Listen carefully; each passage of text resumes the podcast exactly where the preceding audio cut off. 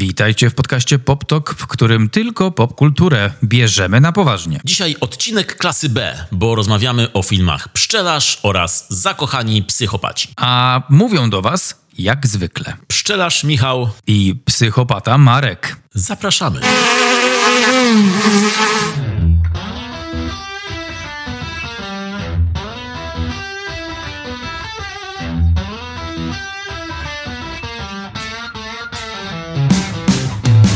Jako się rzekło, dzisiaj odcinek klasy B, o filmach klasy B lub też niżej, o filmach, które my tutaj cenimy, uwielbiamy, zawsze Wam polecamy i współpracujemy z najlepszymi z najgorszych, na które Was zawsze, zapraszamy. Nie inaczej jest w tym odcinku, bo dzisiaj jednym z filmów będzie film z repertuaru najlepszych z najgorszych, repertuaru lutowego, ale zacznijmy od innego złego kina, właściwie od innego twórcy złego kina, legendarnego już w złym znaczeniu, czyli tego infamous director, a właściwie powinienem powiedzieć O, nadchodzi żart. infamousen dyrektoren. To jest prawdziwy odcinek klasy. To jest odcinek klasy B przez 2E, jako pszczoła B. A, rzeczywiście. Ale teraz mówię o odcinku klasy Boll, Uwe Boll. Uwe Boll, niemiecki twórca, który e, robił filmy na podstawie gier. Is that the guy? Tak, tak, to ten słynny człowiek, który zaczął trend tworzenia filmów na podstawie gier komputerowych. Niemiecki, stąd mój mały żarcik o tym, co przed chwilą. Fajny żarcik, Michał. Każdemu się skojarzyło pozytywnie. To było dużymi literami po prostu mówione, tylko bez przedimka. Uwe Boll, o którym wspomniałem, robi nowy film. Ja już jakieś parę miesięcy temu wspominałem o tym, że on robi nowy film i wyszedł nowy film Uwe, Uwego Bolla. Przepraszam. To brzmi dziwnie. To bym trochę jakbym powiedział lewego Bola. Uwego Bola, jakbyś mówił owego kogoś. Polski język nie, nie jest wdzięczny dla tego imienia. Nie jest, nie jest, ale z drugiej strony co, nikt nie jest wdzięczny dla Uwego Bola. Chyba, że fani złego kina, na którym można się sporo pośmiać. Czyli my. Czyli my. No i Uwe Boll wrócił po, po, po dłuższej przerwie, bo on tam w 2015-16 roku zrobił sobie przerwę od kina, ponieważ twierdził, że jest niezrozumiany przez widzów i krytyków i wypowiadał wojnę krytykom, nawet wyzwał jakichś krytyków na starcie na ringu bokserskim, gdzie się bił w rękawicach z swoim krytykiem. Tak, do tego dochodziło, także Uwe Boll bardzo kolorowa postać, o której powinniśmy zrobić kiedyś cały odcinek. Wow, czy to nie jest jakiś bliski przyjaciel Patryka Wegi? To jest ta sama kategoria praktycznie. To jest jakby Uwe Boll po prostu ogolił się na łyso i zapuścił wąsy, to po prostu Patryk Wega. Takie fame MMA chciałbym obejrzeć. O, to jest świetny pomysł. Kto jest? Kto dowodzi tym? Szybko. Kto tu jest najważniejszy? W każdym razie, on wrócił w 2022 roku do kina i już nie, nie tworzy filmów na podstawie gier, tylko zrobił film pod tytułem Hanau, czyli portret psychologiczny pierwszego masowego mordercy, który zastrzelił w 2020 roku 9 osób mm, i tak dalej. Po prostu jakiś film o, o, o tragicznym zdarzeniu, taki jeden z tych filmów, który on też lubi takie filmy robić, jakiś, na jakiś bardzo e, drastyczny, kontrowersyjny temat. Taki brutalny i, i, i też mm, bardzo wyrazisty film. Tylko mam problem z jedyną rzeczą. Pierwszy masowy morderca? What do you mean? E, a, tak, e, czytam opis, a to nie dokończyłem. Pierwszy masowy morderca z QAnonu. A, okej, to jest ważny szczegół. bo Ważny jednak szczegół. ci przed nim właśnie, właśnie się dąsają. Przepraszam, a ja to co? QAnon to jest też inna kontrowersyjna kwestia, którą Ball postanowił poruszyć w tym filmie. Ja nie oglądałem tego filmu niestety, e, może kiedyś obejrzę, ale to jest już taki bardziej na poważnie jego film, także już dramat bardziej niż, niż e, komedia horror.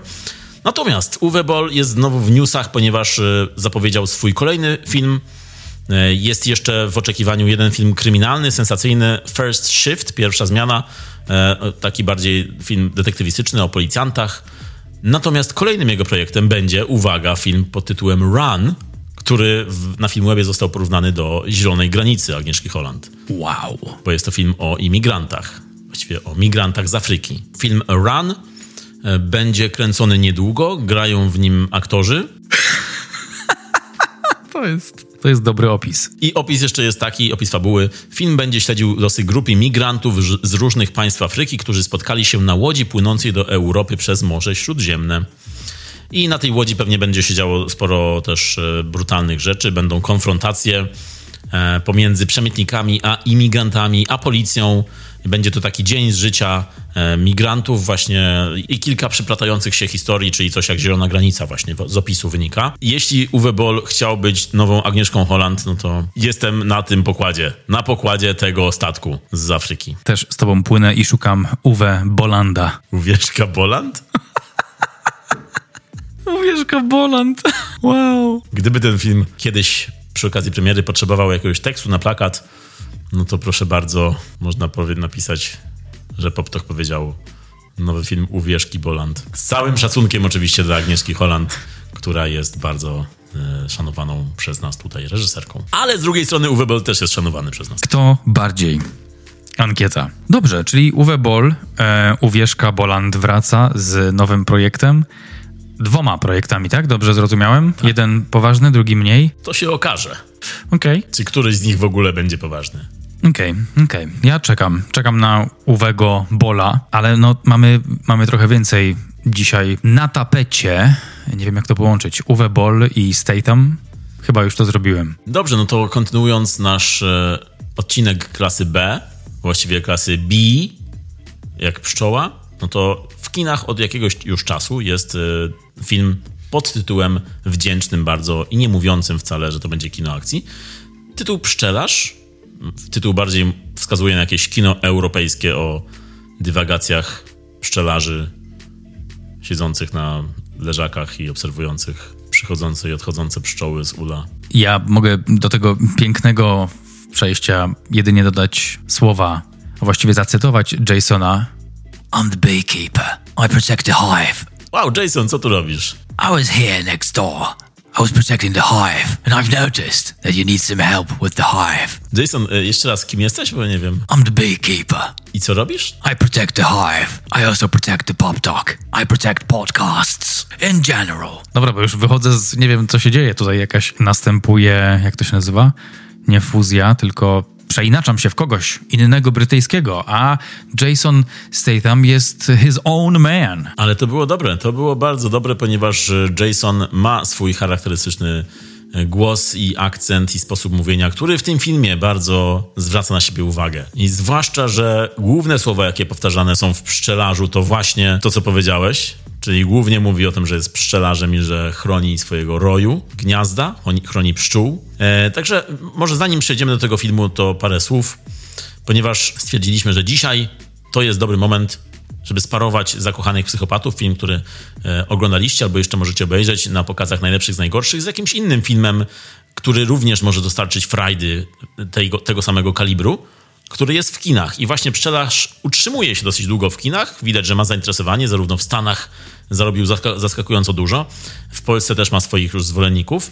I to jest fajne, bo to jest rzeczywiście film, który spokojnie może kiedyś być puszczony na pokazach najlepszych z najgorszych, bo dostarcza w pewien swój własny pszczelarski sposób. Ja chętnie poprowadzę prelekcję wtedy do takiego filmu, mimo że tego nie robię w ogóle, tylko trzymam karton, to o, może tak, może potrzymam chętnie karton i przyniosę jakieś pszczoły. Czyli potrzeba jest filmu o pszczołach, żebyś chciał poprowadzić prelekcję. To jest jedyny warunek. Jeśli tego słuchacie, to jest uh, mark my words. Mark Mark's words. Dobrze, zapamiętamy to, Marek. Dobrze. Wszyscy. Stay tam też, myślisz, że he'll remember? O, tak, właśnie to powiedział. Okej, okay, okej. Okay. No to e, kim jest? Albo co przeszedł? Bo wydaje mi się, że dużo przeszedł. The Baykeeper. Jason Statham to jest człowiek, który widział dużo, przeżył dużo. I to jest nasz człowiek w ogóle. To jest człowiek, który wyrobił sobie markę. Marek tutaj. Czuję się wyrobiony. Wbrew mojej woli, ale jestem z tym okej, okay, jednak. Gdyby Jason Statham wyrobił sobie Michała, to ja bym się cieszył. Tak, no wiesz, ty masz Michała wyrobionego. więc wiesz, jak to jest. Also, bardzo dziwnie to brzmi, więc może porozmawiajmy o Jasonie. To jest następca tych e, słynnych bohaterów kina akcji, tych słynnych twardzieli, takich jak Arnold Schwarzenegger, jak Sylvester Stallone, jak Jean-Claude Van Damme i tak dalej, i tak dalej.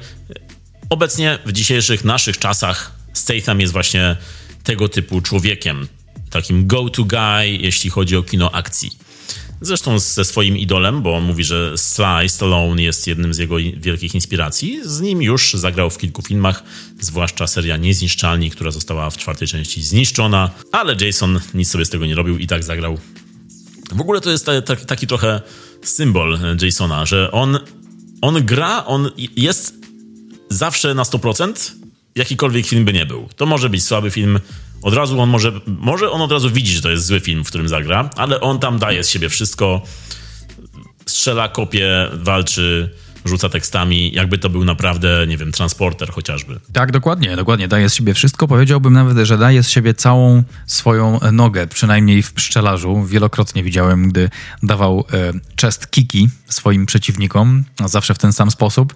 I to, to było z jednej strony przyjemne do oglądania, z drugiej, jak widziałem ten siódmy raz chest kicka, to miałem w sobie śmiech i taką reakcję, o come on! Chociaż w rzepkę kogoś uderz raz. Marek, co on daje z siebie? Chest kiki. Kiki, do you love me? I do. Wow. O, Drake, co tu robisz? Każdy, kto odpowiada I do, jest Drake'iem. Nie, to było nawiązanie do tego, że ja zaśpiewałem jak Drake. A, bo ja nie skumałem tego, że okej, okay, przepraszam. Drake, Drake, co ty tu robisz? I jak tam... Za późno, Marek. Nieważne. Nieważne. Dobra, e, w każdym razie, bo to będzie taki odcinek właśnie. Odcinek klasy B. Musicie nam to wybaczyć, a właściwie... Wybaczyć. Wow! Poszedłeś z tym jeszcze dalej. tak. Kiedy już myśleli, że się nie da. Widziałem okazję i wykorzystałem. Skoczyłeś na główkę, jak Jason Statham w finale filmu Pszczelarz. Ale nie tylko w finale filmu Pszczelarz, bo wyobraź sobie... Że w domu też tak robi. Tutaj jest, to, zaczekajmy, to jest genialne przejście. Jason Statham zaczynał jako pływak. Tak, też. On skakał na główkę właśnie. Dlatego jest taka łysa. Od tego czepka, myślisz? Od tarć, wielokrotnych tarć. Jezus, my chyba nigdy nie dojdziemy do filmu. Ale to jest dobry argument. Myślisz, że poruszymy go z Jasonem osobiście? Myślę, żeby na... zrozumiałby to. Powiedziałby wtedy, you guys know me. Give me your best Statham, go. No to jest dobre, to jest dobre wyzwanie, uwaga, dobra. A jakie zdanie mam powiedzieć? Może beekeeper? Dobra. I'm the beekeeper. to był... To był... To był Batman. To był Jason Batham. No, czekaj jeszcze raz. I'm the beekeeper. I protect the hive. Noise. Już bliżej. To było noise. To, to, ale też, ale słyszałem troszeczkę... Dalej, Dobra. I'm the beekeeper. I protect the hive. To jest, to jest Christian Bale. I'm the beekeeper. I protect the hive. Teraz jak Pacino, dawaj. I'm the beekeeper. I protect the hive! To jest Pacino. Jego wczesna, wczesna forma. Lata 70. Kto jeszcze mógłby to powiedzieć? Um, Arnold Schwarzenegger, go. I'm the beekeeper.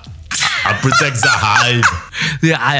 I'm the beekeeper. Jest jeszcze mnóstwo, jest mnóstwo. To jest dopiero początek. Wow, to jest początek tego odcinka. Ja już jestem zmęczony. O czym mówiliśmy? A, że Statham y, jest pływakiem był. Bo on zaczynał, zanim zaczął karierę aktorską, to on miał bogate, bogaty background. Um, właśnie był bardzo atletycznym gościem zawsze. Ćwiczył sztuki walki, ale też właśnie był pływakiem i nie tylko po prostu był pływakiem. Był pływakiem w narodowej e, drużynie brytyjskiej. Zajął nawet któreś tam miejsce i dzięki niemu pewnie zdobyli jakieś medale. Anglia zawdzięcza mu bardzo dużo. Ale my nie wiemy co dokładnie. To było, wygrał jakieś medale i brał udział w jakichś konkursach i był gdzieś tam na podium, ale jakim aktorem jest, to my wam powiemy. Tak właśnie znamy się na sporcie. To jest to. On tam gdzieś, e, nie wiem, ćwiczył. Były medale. Były medale. Sytuacja była poważna. Grał gdzieś, kopał piłkę czy coś. Albo pływał. A robił jedno i drugie, wyobraź sobie, bo pływał zawodowo, ale zawsze był też fanem piłki i grał w piłkę w jakichś, e, to znowu słowo jakichś, ponieważ... Basenach. To jest niesprecyzowane też, ale w jakichś drużynach e, szkolnych grał. Mm. I e, wychowywał się i, i, kolegował zawsze w młodzieńczych latach z Vinim Jonesem, słynnym piłkarzem brytyjskim, później aktorem, z którym razem grali u Guya Ritchiego. Vinnie Jones to jest taki właśnie gość, który był słynny z tych ról gangsterów, a Statham też zaczął być słynny z tych ról dzięki Guyowi Ritchiemu. Ja wyczytałem, że Statham był e, modelem, tak się po raz pierwszy pojawił jako model w teledysku Run to the Sun grupy Erasure, a potem związał się z marką należącą do firmy, która zainwestowała hajs w komedię Porachunki Gaja Ritchiego. No i tam Statham zadebiutował w roli Bacona. No i co to był za debiut? W ogóle co to było za parowanie piękne? Jason Statham i Guy Ritchie to było coś, e, coś co zostało z nami na wiele lat. E, on zagrał tę postać w porachunkach Lock, Stock and Two Smoking Barrels, po oryginalny tytuł, idealnie przełożony na polski. On tam sprzedawał różne rzeczy i, i, i musiał się szybko zwijać, kiedy policja e, biegła. To, to była taka słynna scena, która otwierała ten film. I nieprzypadkowo, ponieważ Statham też zaczynał ogólnie jako cwaniak uliczny i też na ulicy sprzedawał chodził i sprzedawał różne rzeczy ludziom. I'm the salesman. I protect the perfumes. I od razu wszyscy kupowali, jak słyszeli ten głos. Listen here, buddy. You're gonna buy a what? A jak, jak ktoś kupił, to on zakładał czepek i skakał do pobliskiego basenu na główkę. tak świętował. I got places to be. Tak uciekał przed policją, dlatego go nigdy nie łapali, bo zawsze czepek na głowę i wskakiwał do basenu. I... Tam już go nikt nie dogonił. No i tak, rzeczywiście zaczął w filmie Porachunki. Film, jeden z filmów mojego dzieciństwa. Film, który obejrzałem na odkodowanym HBO. Znowu wraca odkodowane HBO, ten motyw się tu przewija czasami. Film, który przypadkiem obejrzałem i to po prostu nagrałem go wtedy na kasetę. Tę kasetę męczyłem bardzo często. Po prostu to był film Film, jakiego wtedy nie widziałem, a film, jaki chciałem już zawsze oglądać. Guy Ritchie od razu wskoczył do tych nazwisk, które były dla mnie rozpoznawalne i, i aktorzy z tego filmu i Statham między innymi właśnie też. Statham to była jego pierwsza rola, w ogóle pierwsza rola filmowa i od razu się wybił, wszyscy go zauważyli. Drugą rolą u Guy'a Ritchiego, czyli w filmie Przekręt, dwa lata później, to już był taki hollywoodzki bardziej występ, już film, w którym Statham był e, gwiazdą u boku Brada Pitta. Już wtedy, jeszcze wtedy nie był gwiazdą, ale dzięki temu już stał się wkrótce hollywoodzką gwiazdą, bo później były Transporter, e, trzy części i, i inne widowiska akcji, w których Statham się sprawdzał bardzo dobrze. E, no i ta współpraca z Guyem Ritchiem, dwóch gości, którzy się bardzo dobrze rozumieli, nadawali, nadawali na tych samych falach, E, to było coś pięknego, coś, co mnie bardzo cieszyło. Jak on w przekręcie mówił te słynne dialogi Gaja Ritchiego tym swoim głosem, jako Turkish i mówił tam, jak pyta kolegi, po co ma taki wielki pistolet. I tamten mówi, że ma go do ochrony. I na co Statham jako Turkish mówi Protection from what? The Germans. Także to był piękny dialog, którego nie oddałem, nie oddałem tego piękna, ale, ale zaufajcie mi, to było coś, co powtarzało się na podwórku. Ja twoje naśladownictwo bardziej doceniam niż ten tekst. Protection from what? The Germans. Nie, to nie oddam tego w ogóle, nie powiem. Nie, nie oddawaj tego, Michał. Nie, nie, tego. Ty nie. spróbuj powiedzieć to. Protection from what? Nie, I suck. Nagle zabrałeś mi talent, jakbym do, do piłki swoje talenty oddał w jakimś dziwnym, kosmicznym meczu. No. Ja teraz znam tylko Statama z filmu Beekeeper. Okej, okay, okay. Wczesnego Statama już nie potrafię. Już nie, już wymazał wymazał wszystko ten nowy Statham. To tak, tak jest tak. zawsze, że nowy Statham wymazuje poprzednie Statamy. To jest zasada gry. Każdy jest inny, wszystkie są takie same. Dokładnie, bo te filmy właściwie to mogłyby się nazywać Jason Statham, jako Jason Statham w filmie Jason Statham. Jesus Christ, that's Jason Statham. I'm the beekeeper. I'm the Jason Statham. the Germans. O, teraz lepiej weszło. Teraz już właśnie, no, wszedłem, naoliwiłem się troszeczkę to... Mm, mm, mm. No dla mnie Jason Statham to y, jak potem sprawdzałem, to niewiele ról. Myślałem, że trochę więcej obejrzałem z nim filmów, ale to pewnie dlatego, że widziałem z nim sporo filmów bardzo podobnych, bo on w franczyzie Szybcy i Wściekli pojawił się. Um, pamiętam go z Meg, z Adrenaliny, z Transportera. Chciałbym z nim obejrzeć Agentkę z Melissą McCarthy. Przyjemny film, przyjemna komedia, którego najlepszą częścią jest właśnie chyba rola Stathama, ale Melissa McCarthy też tam bardzo, bardzo fajnie wypada. Z tym, że Statham tam gra taką właśnie komediową rolę, co mu się rzadko bardzo zdarza. No to mnie tak przyciągnęło. No i Melissa bardzo w nią wie, że lubię ją oglądać w komediowych rolach. Tego filmu nie widziałem, ale Statham jest dla mnie takim... Czy tak nie jest? Jak widzisz twarz Stathama, to wiesz, że to będzie, to będzie w swojej konwencji taki film, jakiego oczekujesz. To nie będzie Almodowar, to będzie I'm the beekeeper, I kick asses. Tak jest, dlatego właśnie mówiłem, że Statham to już jest taka marka, e, prawda Marek? To jest taka Michała nawet, bym powiedział. I wiemy już, na co idziemy, kiedy idziemy na filmy ze Stathamem. E, dlatego bardzo chętnie idziemy na te filmy. I to jest fajne, że ta marka jest mocna nadal.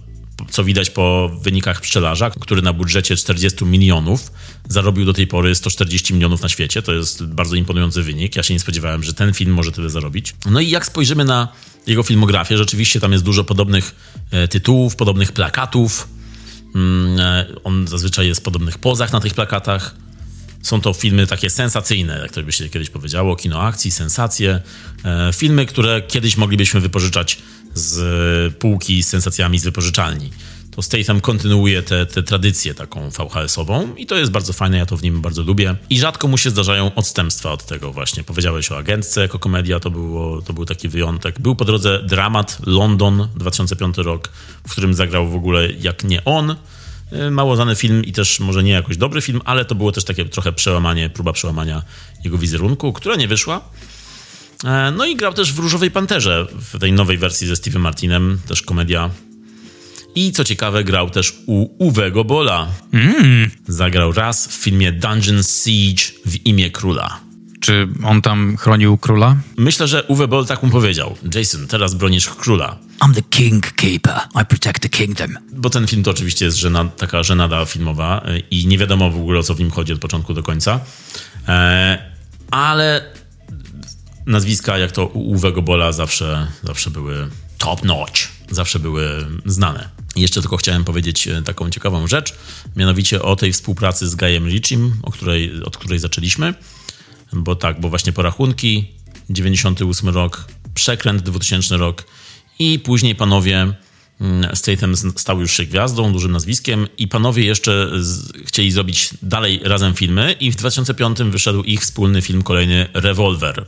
Film, który budził dużo emocji i był bardzo wyczekiwanym filmem jako kolejny film Richiego, który podzielił ich, wyobraź sobie, bo to, była, to był nietypowy film jak na, jak na.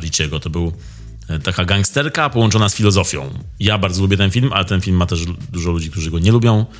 No jest on bardzo nietypowy i myślę, że po latach może dopiero zyskać właśnie takie drugie życie.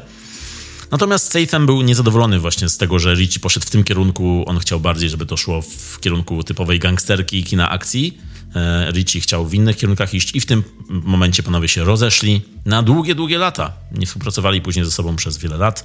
Statham rozwijał swoją karierę, poszedł właśnie w serię Szybcy i Wściekli, którą dzięki swojej obecności reaktywował razem z The Rockiem. Mm, I później poszedł w serię Niezniszczalni, e, aż właśnie w roku 2021, czyli całkiem niedawno, Richie i Statham znowu współpracowali razem przy filmie Jeden Gniewny Człowiek, czyli Wrath of Man. Ja się bardzo wtedy ucieszyłem, jak zobaczyłem, że ten film to jest ich powrót i ten film bardzo, bardzo lubię. To jest też bardzo dobry powrót i super, że e, od tej pory, od tego filmu widać, że znowu chcą razem robić, bo kolejny film Richiego, Gra Fortuny, też Statham tam gra główną rolę. Co prawda ten film już nie jest tak dobry, już jest taki bardziej średniak jak na, jak na Richiego, ale fajnie, że idą razem już teraz znowu przez, przez to kino akcji, przez to męskie hollywoodzkie kino. Mówimy Richie, mówimy Statham, mówimy hollywoodzkie kino. No, reżyserem tego filmu, Pszczelarza, jest pan David Ayer, nazwisko, które pojawia się przy takich tytułach jak Bogowie ulicy, Furia czy Legion Samobójców.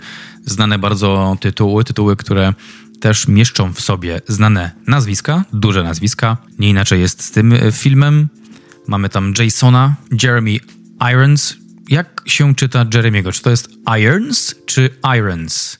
Bo to jest jednak, jednak po angielsku Iron się mówi. Tak, i on jest Brytyjczykiem, więc myślę, że czyta swoje nazwisko jako Jeremy Irons. Hmm, no właśnie. Ale okay. sprawdzę to. To jeszcze gdy sprawdzasz, podpowiem, że w tym filmie pojawia się Josh Hutcherson, twarz, która pojawiła się wcześniej w Igrzyskach Śmierci, chociażby.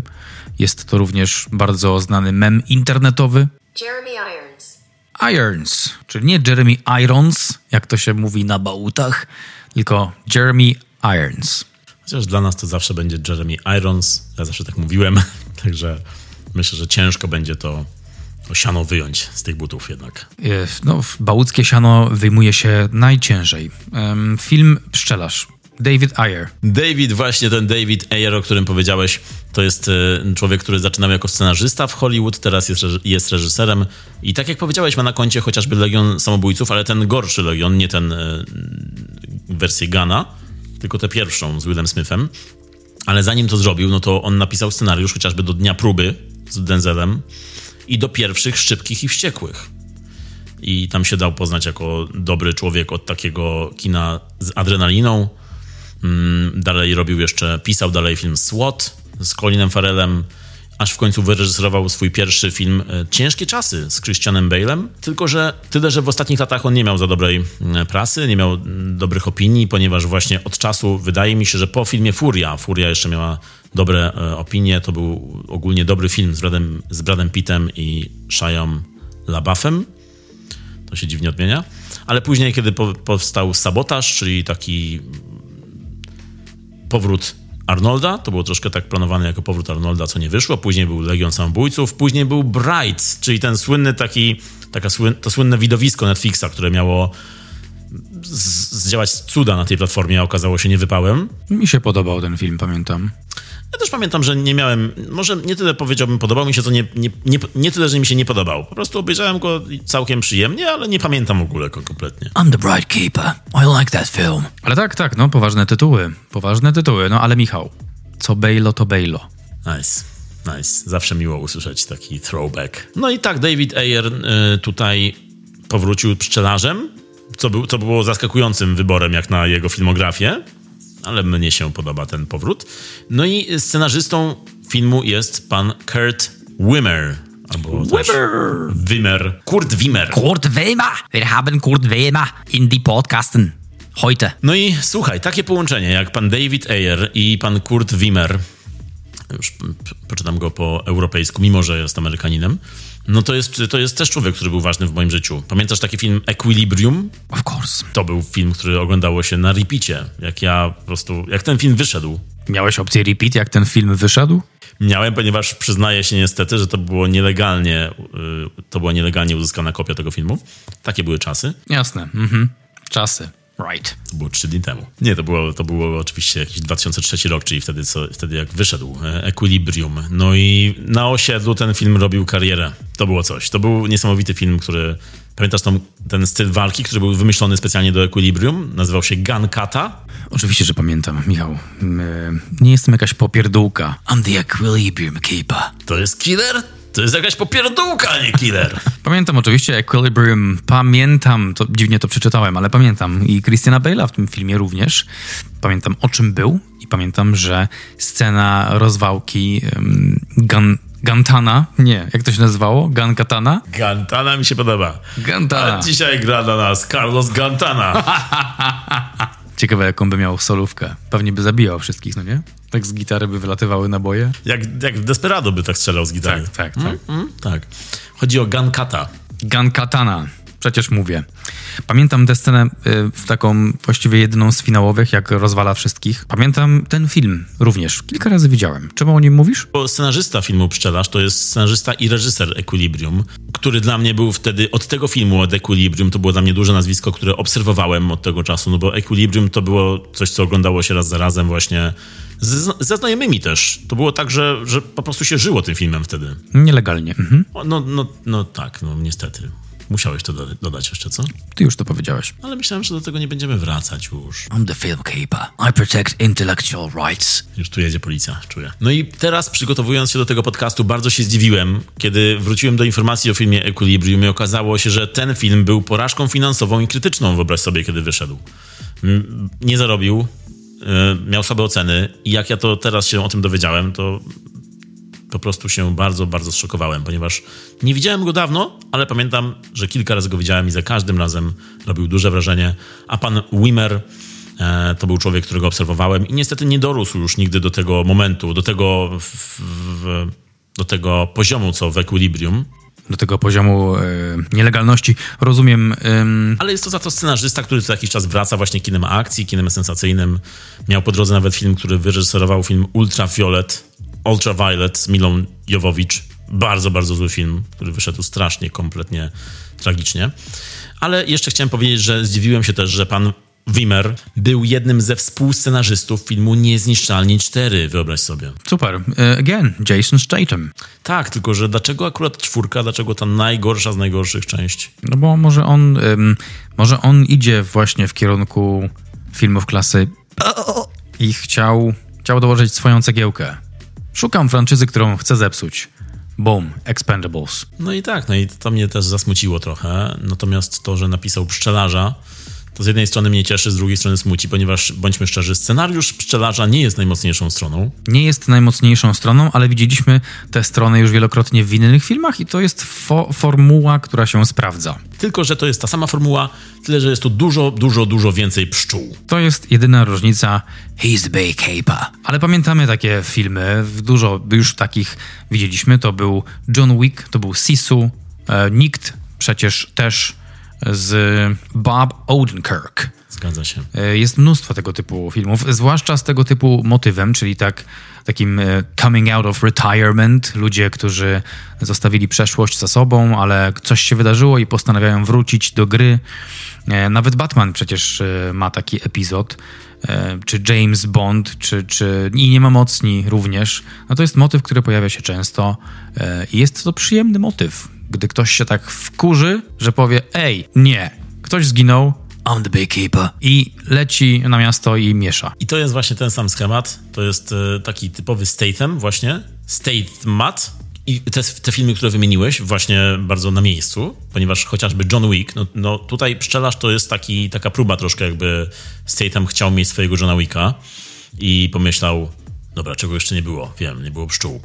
I, i poszedł w kierunku Johna Wicka i pszczół, połączył te dwa tematy. Oczywiście nie on, on tylko tutaj gra, ale jest jeszcze jedno połączenie z Johnem Wickiem, ponieważ y, Jason, kiedy wchodził w ten y, film, on powiedział, że ma jedno takie y, wymaganie dosyć spore, czyli za choreografię i kaskaderkę w tym filmie ma odpowiadać pan Jeremy Marinas, który jest jednym z choreografów walki, jednym z kaskaderów 8711, o której mówiliśmy przy okazji filmu Bullet Train, ponieważ to jest firma założona przez Davida Leacha, e, który właśnie współpracował przy Johnny Wicku, robił Bullet Train, czy też film Nikt.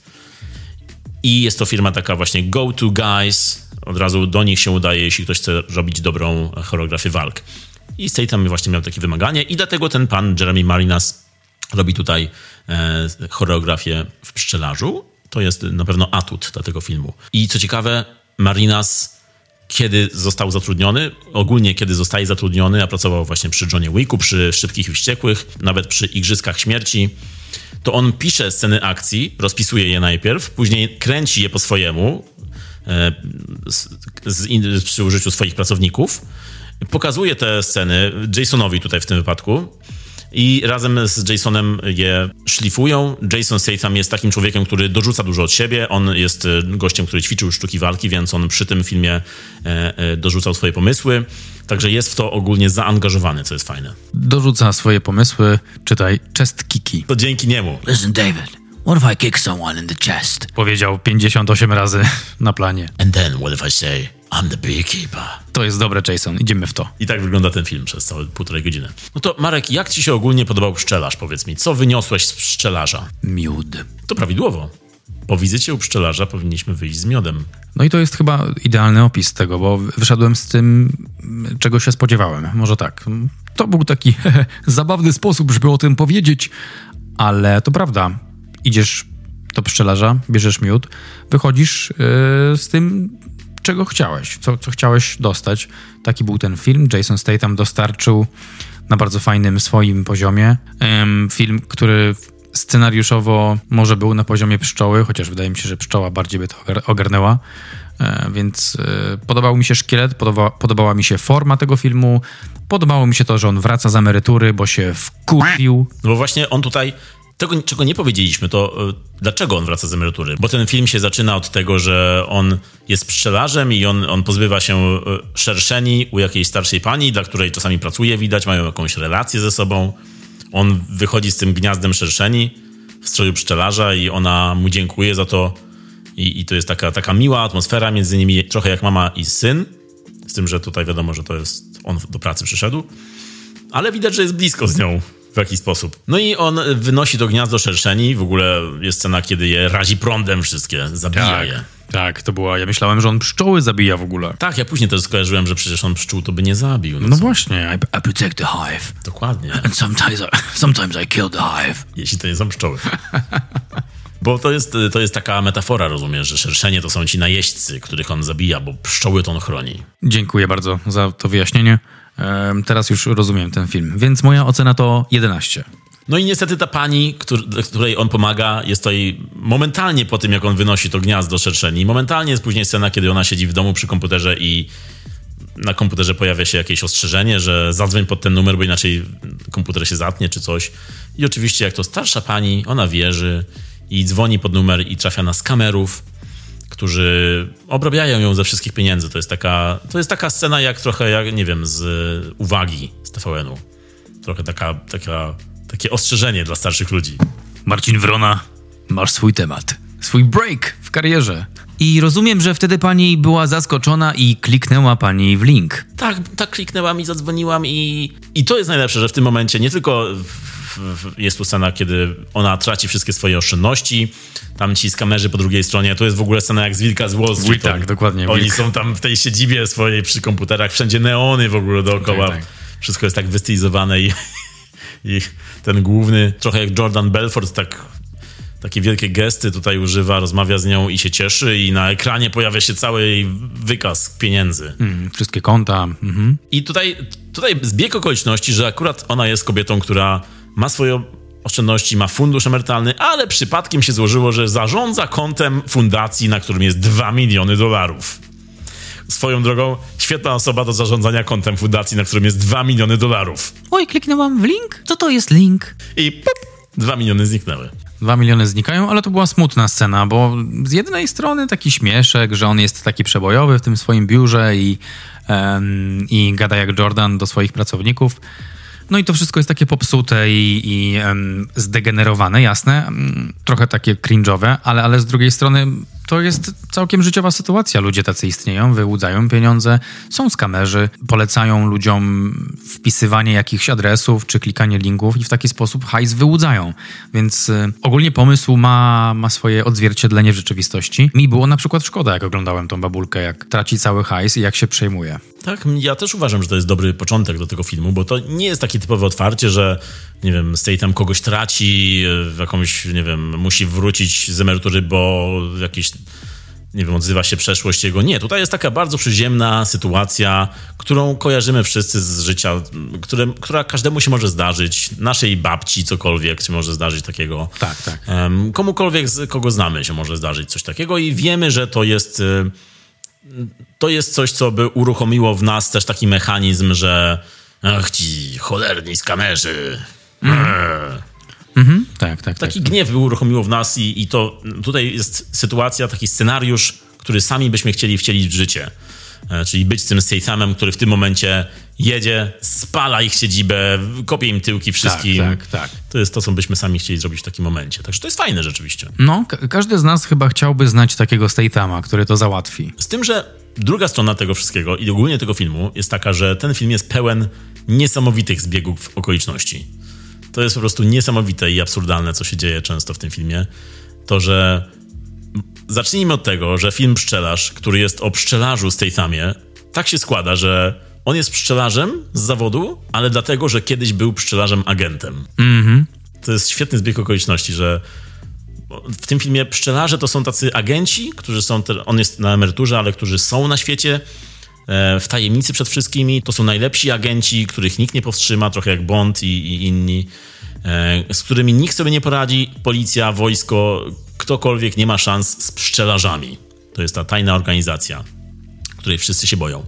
No i Jason Statham, pszczelarz, agent, przechodzi na emeryturę w tej agencji, stwierdza, że już chce żyć spokojnie i co robi na emeryturze? Postanawia zostać pszczelarzem prawdziwym. Kiedy zastanawiasz się nad tym jego łukiem postaci, nad wyborem, to myślisz sobie, hej, to naprawdę? Musiałeś być pszczelarzem prawdziwym od pszczół, bo byłeś pszczelarzem takim przenośnym, metaforycznym? Z nazwy tylko? Nie mogłeś, nie wiem, pracować w sklepie? To mnie bardzo, bardzo zastanawia w ogóle ten wybór scenariuszowy, że...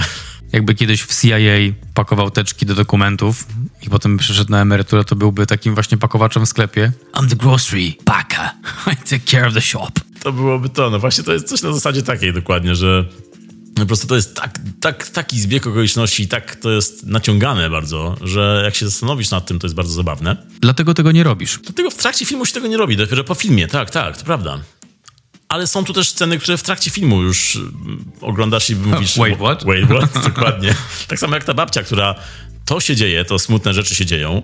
Po czym dosłownie scenę później jest to, że on przychodzi do niej, bo zapomniał czegoś i mówi, przychodzi, a nie, przychodzi, bo przynosi jej miód w prezencie. Tak. I widzi, że ona, biedulka, sobie odebrała życie przez tę sytuację całą. Tak, spoiler, tak. Tak, no myślę, że możemy spoilować ten film, bo to po pierwsze jest długo na ekranach, a po drugie, no wszyscy wiemy, jak ten film wygląda tak naprawdę. Po trzecie, Michał oglądał bardzo dużo nielegalnych filmów nielegalnie, więc... y, He's the not give a fuck critic. Już tego nie robię, no przepraszam, już, już nie, już od dawna nie, nie, nie piracę, już od dawna, dawna, dawna. Dobra, mam teraz za dużo żartów, żebyśmy mogli o nich mówić. Mamy mało czasu. Ale tak, tak, przyszedł przynieść jej miód, chciał ją nakarmić miodem.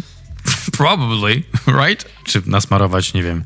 Nikt z tego nie wie. Ale zastał ją nieżywą. Z pistoletem na dywanie i znowu zbieg okoliczności wchodzi w tym samym czasie jej córka, która, uwaga, zbieg okoliczności, okazuje się agentką FBI, która uważa, że Statham jest zamieszany w to. On mówi, I'm the beekeeper. Co? On to wtedy dosłownie mówi. What's your business here? Who are you? I'm the baykeeper. co ma zapewnić wszystkich, że on nie jest to zamieszany. I wszyscy momentalnie mówią, a no dobra, okej. Spoko. A, to dziena. E, mogę tam litr zamówić u ciebie? Jak, jakie masz? Gryczany? Kwiatowy? Na co on odpowiada? I'm the beekeeper. I can't tell. You have to pay me money. I'll show you. Musimy wierzyć mu zawsze na słowo, że jest tym pszczelarzem, bo on tylko to powtarza zawsze. Właśnie. Gdzie jest licencja? Nie, ani razu nie pokazał licencji, że może hodować pszczoły, czy tam dbać o rój. Wszyscy mu wierzą na słowo. Człowiekowi, który wygląda jak Jason Statham, ma akcent jak Jason Statham i wszyscy mu wierzą, że a, on jest po prostu pszczelarzem okolicznym. Jak NPC-ki się rozchodzą po prostu nagle, jakbyś stracił wszystkie gwiazdki w GTA. Wszyscy nagle, a okej. I jeszcze oczywiście kończy rozmowy tym, że jest pszczelarzem i musi iść zadbać o pszczoły. Zawsze musi, zawsze jak chce wyjść z rozmowy jakiejś, to mówi to, dobra, muszę iść, bo pszczoły czekają. Ale to jest super tekst na każdą okazję. Wstajesz od stołu, niezręcznie jest święta.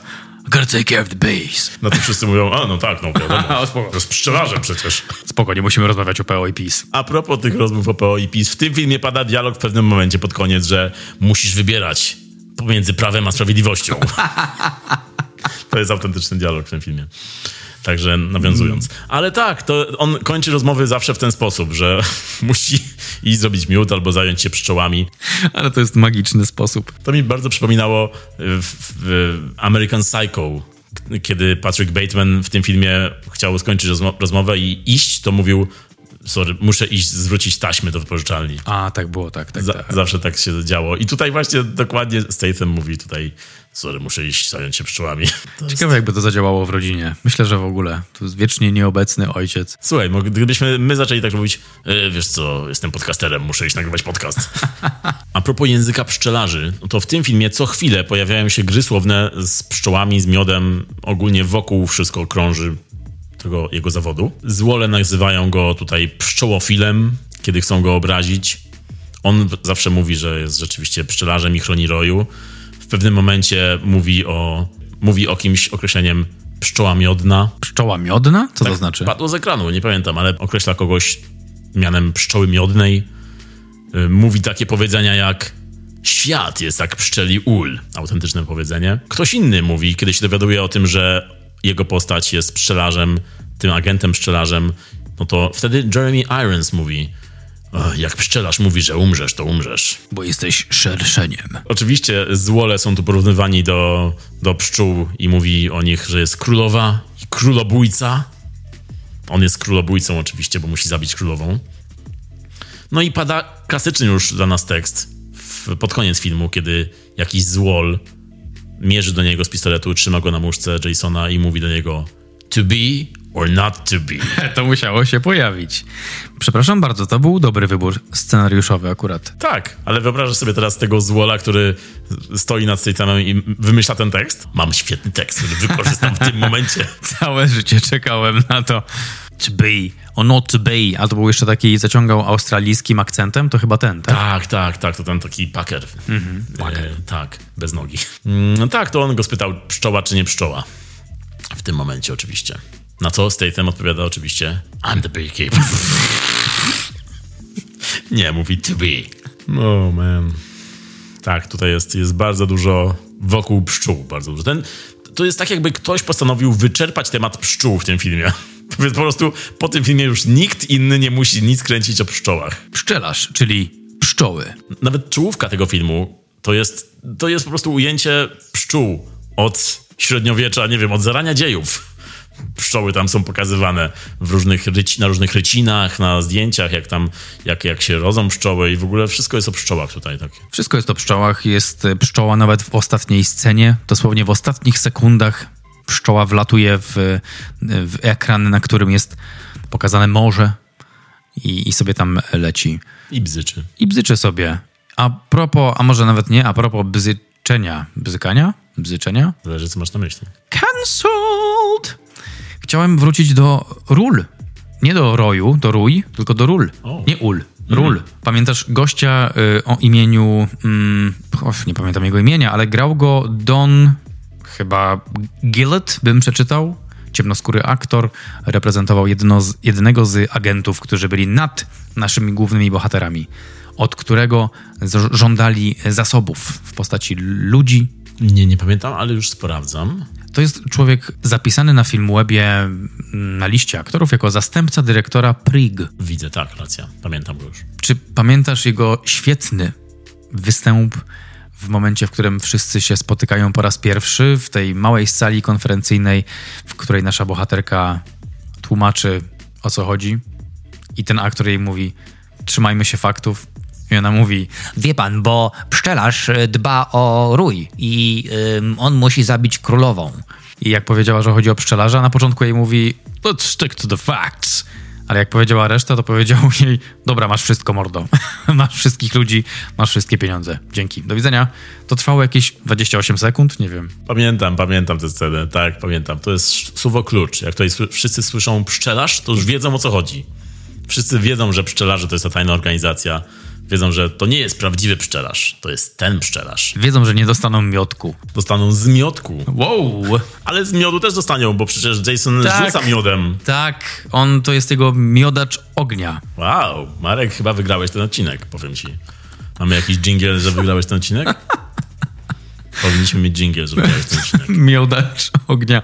A propos ognia, no to przecież pojawił się też drugi pszczelarz, a właściwie pszczelarka w trakcie filmu, która po prostu pojawiła się nagle z gry Cyberpunk 2077 i postanowiła z minigana kasować ludzi na stacji benzynowej. I ja od razu w tym momencie, tylko nie w instrybutor!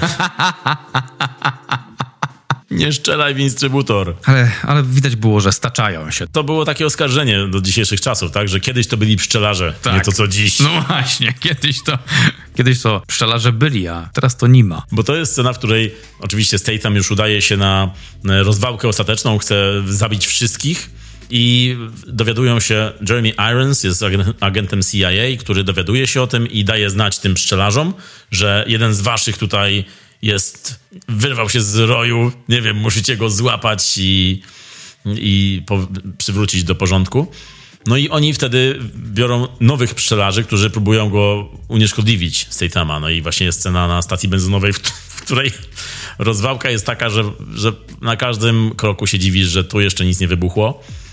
Na, najpierw strzelają do siebie po prostu wprost jedna osoba w drugą, po czym ta pszczelarka wskakuje na swojego pick-upa i okazuje się, że na pacę ma taki wielki karabin maszynowy przymocowany do, do samochodu, którego nikt nigdy nie zauważył, jak jeździła tym samochodem pewnie. No i zaczyna strzelać po wszystkim. E, nic nie wybucha. Wybucha wszystko dopiero, kiedy Statham odchodzi. Kiedy odjeżdża, wtedy za nim oczywiście wszystko wybucha. Magicznie. I to jest tak, piękna scena. Piękna rozwałka, bardzo absurdalna rozwałka, ale piękna na swój sposób. Uwielbiam tę scenę również. Nie. Ale czy jest jakaś scena, którą uwielbiam? Hmm. Rozwałki są fajne. Fajnie jak najeżdża na te miejsca, na te biurowce i tam wszystkich kasuje. Fajnie w ogóle kasuje ludzi, to też mi się podoba. No te chest to jest mój taki mini zarzut, bo rzeczywiście często się pojawiają, a wydaje mi się, że on jako wojownik, jako ex-fighter mógłby coś em, kreatywnego wnieść do tego. No ale no cóż. Jako były pszczelarz i również obecny pszczelarz, tak, e, on, no, Statham jest tu w tym filmie bardzo dobry. Ogólnie jeśli chodzi o jego umiejętności. On tutaj bardzo dużo pokazuje, robi bardzo dużo, naprawdę jest kaskadersko, mm, tak sensacyjnie, to jest na wysokim poziomie wszystko.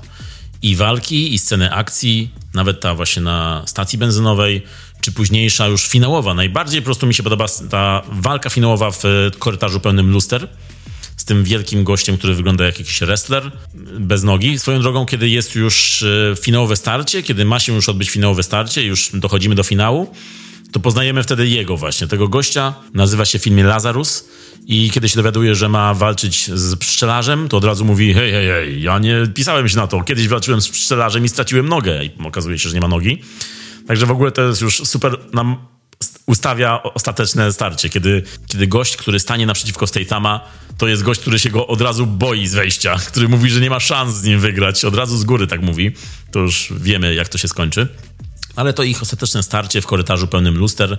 Lustra wiadomo zawsze na propsie od czasu Bruce'a Lee w wejściu Smoka zawsze plus jeden. Tak jest. I to jest bardzo dobra scena ogólnie. Bardzo dobrze rozegrana, nakręcona. Bardzo fajnie mi się ją śledziło. Właśnie ten finał, bo w połowie tego filmu jakoś dowiadujemy się, kto jest tą królową pszczół. To jest wielka niespodzianka tego filmu, że za tym wszystkim, oprócz tej organizacji skamerskiej, na której e, jakby czele stoi Josh Hutcherson, jako ten taki jakby, nie wiem, rozwydrzony chłopak, taki bachor, rozpieszczony, który w filmie pojawia się w scenie kiedy wjeżdża do biura na deskorolce i prosi o jakąś tam kawkę, herbatkę. Taki trochę miałem w tej scenie vibe, jakby to Michael Scott wszedł do biura po prostu. w takimś odcinku jakby próbował być cool, próbował być taki na czasie i wjeżdża na deskorolce do biura. To była taka bardzo dziwna scena, kiedy on jest pokazany jako taki szef tej firmy, który jest takim nastolatkiem jakby, a Jeremy Irons jest jego takim szefem ochrony. No i w połowie filmu dowiadujemy się tego, tej wielkiej niespodzianki, że matką jego i osobą, która kryje go i która umożliwia te wszystkie przekręty jest królowa pszczół, czyli sama prezydent Stanów Zjednoczonych. Wyżej się nie da. Jest po prostu scena taka absurdalna, kiedy on dzwoni do swojej mamy i mówi, że hej, bo jest Tatum nam grozi i zagraża naszemu biznesowi. Ona jest akurat na spotkaniu z jakimiś, nie wiem, atasze z innych krajów Także już wyżej się nie dało po prostu stawki ustawić. No, także jest to, jest to bardzo zabawne momentami, jak ten film eskaluje. To jest stawka wyższa niż miodu picie. Chociaż Gemma, Gemma jak ona ma, e, Redgrave, dobrze sobie radzi, jako pani prezydent. Madame Président, to jest po francusku. Dobrze sobie radzi, lubię ją w tej roli. Każdy w ogóle tam dobrze sobie radzi w swoim podwóreczku i wszyscy wspólnie. Bo w ogóle jak na film Kasybę to jest obsada bardzo imponująca. Oczywiście. Jeremy Irons to jest przecież aktor z wieloletnim doświadczeniem i to w różnych produkcjach ambitnych, mniej ambitnych. Był Alfredem też w Batmanie. Może, może on ma coś do takich typów, e, takich buntowników, rebeliantów. Takie role mu się podobają, jakim towarzyszy. Słynny wilen z Szklanej Pułapki 3, Gruber, brat Grubera. Czyli taki bruder Gruber. Gruber, bruder. Bruda, gruba. Wow, to brzmi dziwnie, ale powiedziałem to. No ale tak, tak, dobra obsada, dobra obsada. To może podsumujemy to i przejdziemy do czegoś, co nazywa się podsumowanko. Pszczelarz, jak już ustaliliśmy, wyczerpuje temat pszczół. Czy wyczerpuje temat kina akcji? To może niekoniecznie, ale jest na pewno filmem, który dostarcza sporo frajdy, zwłaszcza jeśli odpowiednio bardzo się przymruży oko bądź oczy. Wiadomo, że to jest film Jasona Statama. Jeśli chodzi o filmy Jasona Statama, to jest to też zaskakująco dobrze obsadzony film, bo właśnie mówiliśmy, że Jeremy Irons gra tutaj, gra Josh Hutcherson po swojej roli w Pięciu nocach u Frediego, po swoim wielkim powrocie. E, kiedyś Złoty Chłopiec z Igrzysk Śmierci. A teraz proszę z Wall w filmie Jasonem Statamem. Ciekawa ścieżka kariery. Bardzo, mi to, bardzo mnie to ciekawi, co będzie dalej. Tutaj e, w roli takiego Nepo Baby, który ma matkę panią prezydent, ale e, w pozostałych rolach pojawia się tutaj m.in. chociażby Mini Driver, której dawno nie widziałem. Mini Driver to jest taki kierowca Mini Cooperów? Dokładnie tak. Pozdrawiamy wszystkich kierowców Mini Cooperów. Czyli mini driverów lub mini driverki. No i ta obsada właśnie jest zaskakująco imponująca, jak na film tego kalibru, bo jest to kino klasy B, kino akcji, sensacja, które ma bardzo szybkie tempo. Tutaj eskaluje wszystko bardzo szybko, scena po scenie, nie widzimy jakoś przejść między scenami. Kiedy pszczelarz dowiaduje się o tym, co się stało, e, że, że ktoś został oszukany, jego bliska. Od razu następna scena, on jest w siedzibie tej firmy i z kanistrami benzyny i podpala ją, grozi wybuchem. Po prostu wszyscy uciekają. To jest też bardzo... To tempo sprawia, że te sceny następują jedna po drugiej i dzięki temu jesteśmy kupieni, jesteśmy wewnątrz tego, ale kiedy się zatrzymamy i pomyślimy, hej, hej, zaraz, zaraz, co tu się dzieje? To wtedy, wtedy się dzieją ciekawe rzeczy i zabawne. Bo to, że on wysadza biuro tych skamerów i dosłownie scenę później oni odnajdują jego jego tożsamość tylko po tym, że ktoś z obecnych wtedy w tym biurze mówi, że był łysy i podawał się za pszczelarza. I następnego dnia są u niego na wsi, na, przy ulach, które pierwszy odruch niszczą mu ule, zabijają pszczoły. Hmm, czyli zrobią coś bardzo złego. E, ale z drugiej strony on jako pszczelarz nie widzimy jego przywiązania do tych pszczół. On się nie mści za to, że zabili mu pszczoły. On nawet nie ma sceny, żeby jakoś klęknął przy tych ulach i powiedział moje pszczoły, albo coś w stylu Not the bees! Tutaj ukłon Nicolasa Cage'a oczywiście. Także wszystko się tu dzieje bardzo, bardzo szybko. Wybory scenariuszowe, wybory postaci są czasami zastanawiające. Chociażby to, że Statham w jednej akcji w swojej stodole e, w swojej siedzibie wykańcza wszystkich bandziorów, tylko jednego pozostawia przy życiu, obcina mu palce i pewnie na zasadzie przekaż wszystkim pozostałym. I następna scena on go dojeżdża w scenie na moście. Jakby po prostu rozmyślił się i stwierdził, no dobra, jednak go dojadę. I kolejna scena, Zwol na moście zatrzymuje się, dzwoni do swojego szefa, ale wtedy Statham wkracza i zrzuca go z tego mostu do rzeki, jakby kończył robotę. Także są tu sceny, które zastanawiają, dlaczego w ten sposób, ale jeśli się nie zastanawiasz, to naprawdę ten film może dostarczyć sporo dobrej zabawy, sporo dobrego tempa, dobrych walk, dobrego strzelania, a to zawsze jest e, w cenie. Masz na myśli pszczelania? Wow, teraz jeszcze bardziej lubię ten film. Dzięki. No i ten film bierze pszczoły na poważnie. I właściwie pyta, a ty pszczelasz? Ja pszczelam, a ty? To jest scena do sequela. A sequel na pewno powstanie, ponieważ ten film odniósł sukces. To jest e, trochę taki John Wick, widać z tej sama tylko z pszczołami, więc być może będzie Pszczelarz 2. Nie wiem, mam nadzieję. Oczywiście, że fabułę do przodu pcha tutaj e, coś takiego jak poradnik pszczelarza, który agenci FBI znajdują na miejscu zbrodni i z którego dowiadują się faktów o pszczelarzach i dzięki temu mogą dojść do tego, jak działa umysł Statama, jak działa, działa umysł pszczelarza. Także tu są takie naprawdę bardzo zabawne, bardzo fajne momenty, których byś się nie spodziewał po filmie ze Statamem, a które tylko urozmaicają zabawę według mnie. Także jeśli szukacie kina akcji, na którym możecie się odmurzyć, wybór jak najbardziej w sam raz. Jeśli szukacie kina na imprezę jako drinking game, taka zabawa, zabawa pijacka, kiedy pada określenie związane z pszczołami, to pijecie, no to bardzo szybko się upijecie. E, oczywiście popijamy miodem pitnym, jeśli jeszcze tego nie skojarzyliście. Ode mnie, jeśli miałbym oceniać Friday z tego filmu, to dałbym 7. Jeśli mam oceniać sam film, to daję 6 na 10. I oczywiście polecam. Taka trochę godzina zemsty z Melem Gibsonem, tylko z pszczołami. Tylko nie godzina, bo półtorej. No ale tak, dziękujemy Michał za ten opis, którego ja nie musiałem przygotowywać, bo, bo się zgadzam ze wszystkim, co powiedziałeś na temat filmu klasy e, pod tytułem Pszczelarz. Ja tylko dodam od siebie, że oceniłem ten film na 6, 6 na 10. Przyszedłem Veni Vidi Vici, właściwie Veni Vidi hmm, Zobacici i, i bycie zadowoleni cici zadowoleni ci. Po prostu przyszedłem po co? przyszedłem. Przyszedłem po coś i to dostałem i to jest ok. Więc 6 na 10. Jason ekstra, fajnie te mordki odgrywały swoje role. Każda z nich była unikalna, unikatowa taka i bawiłem się świetnie, śmiałem się świetnie i um, chętnie zobaczę sequel albo Bequel. Wow, Bequel to jest dobre. To spodobałoby się twórcom, którzy biorą pszczoły na poważnie. A my bierzemy popkulturę na poważnie, y, nawet tę złą część, a nawet bardziej. Dlatego teraz przechodzimy do kolejnego złego filmu, który możecie albo mogliście oglądać na pokazach cyklu Najlepsze z najgorszych.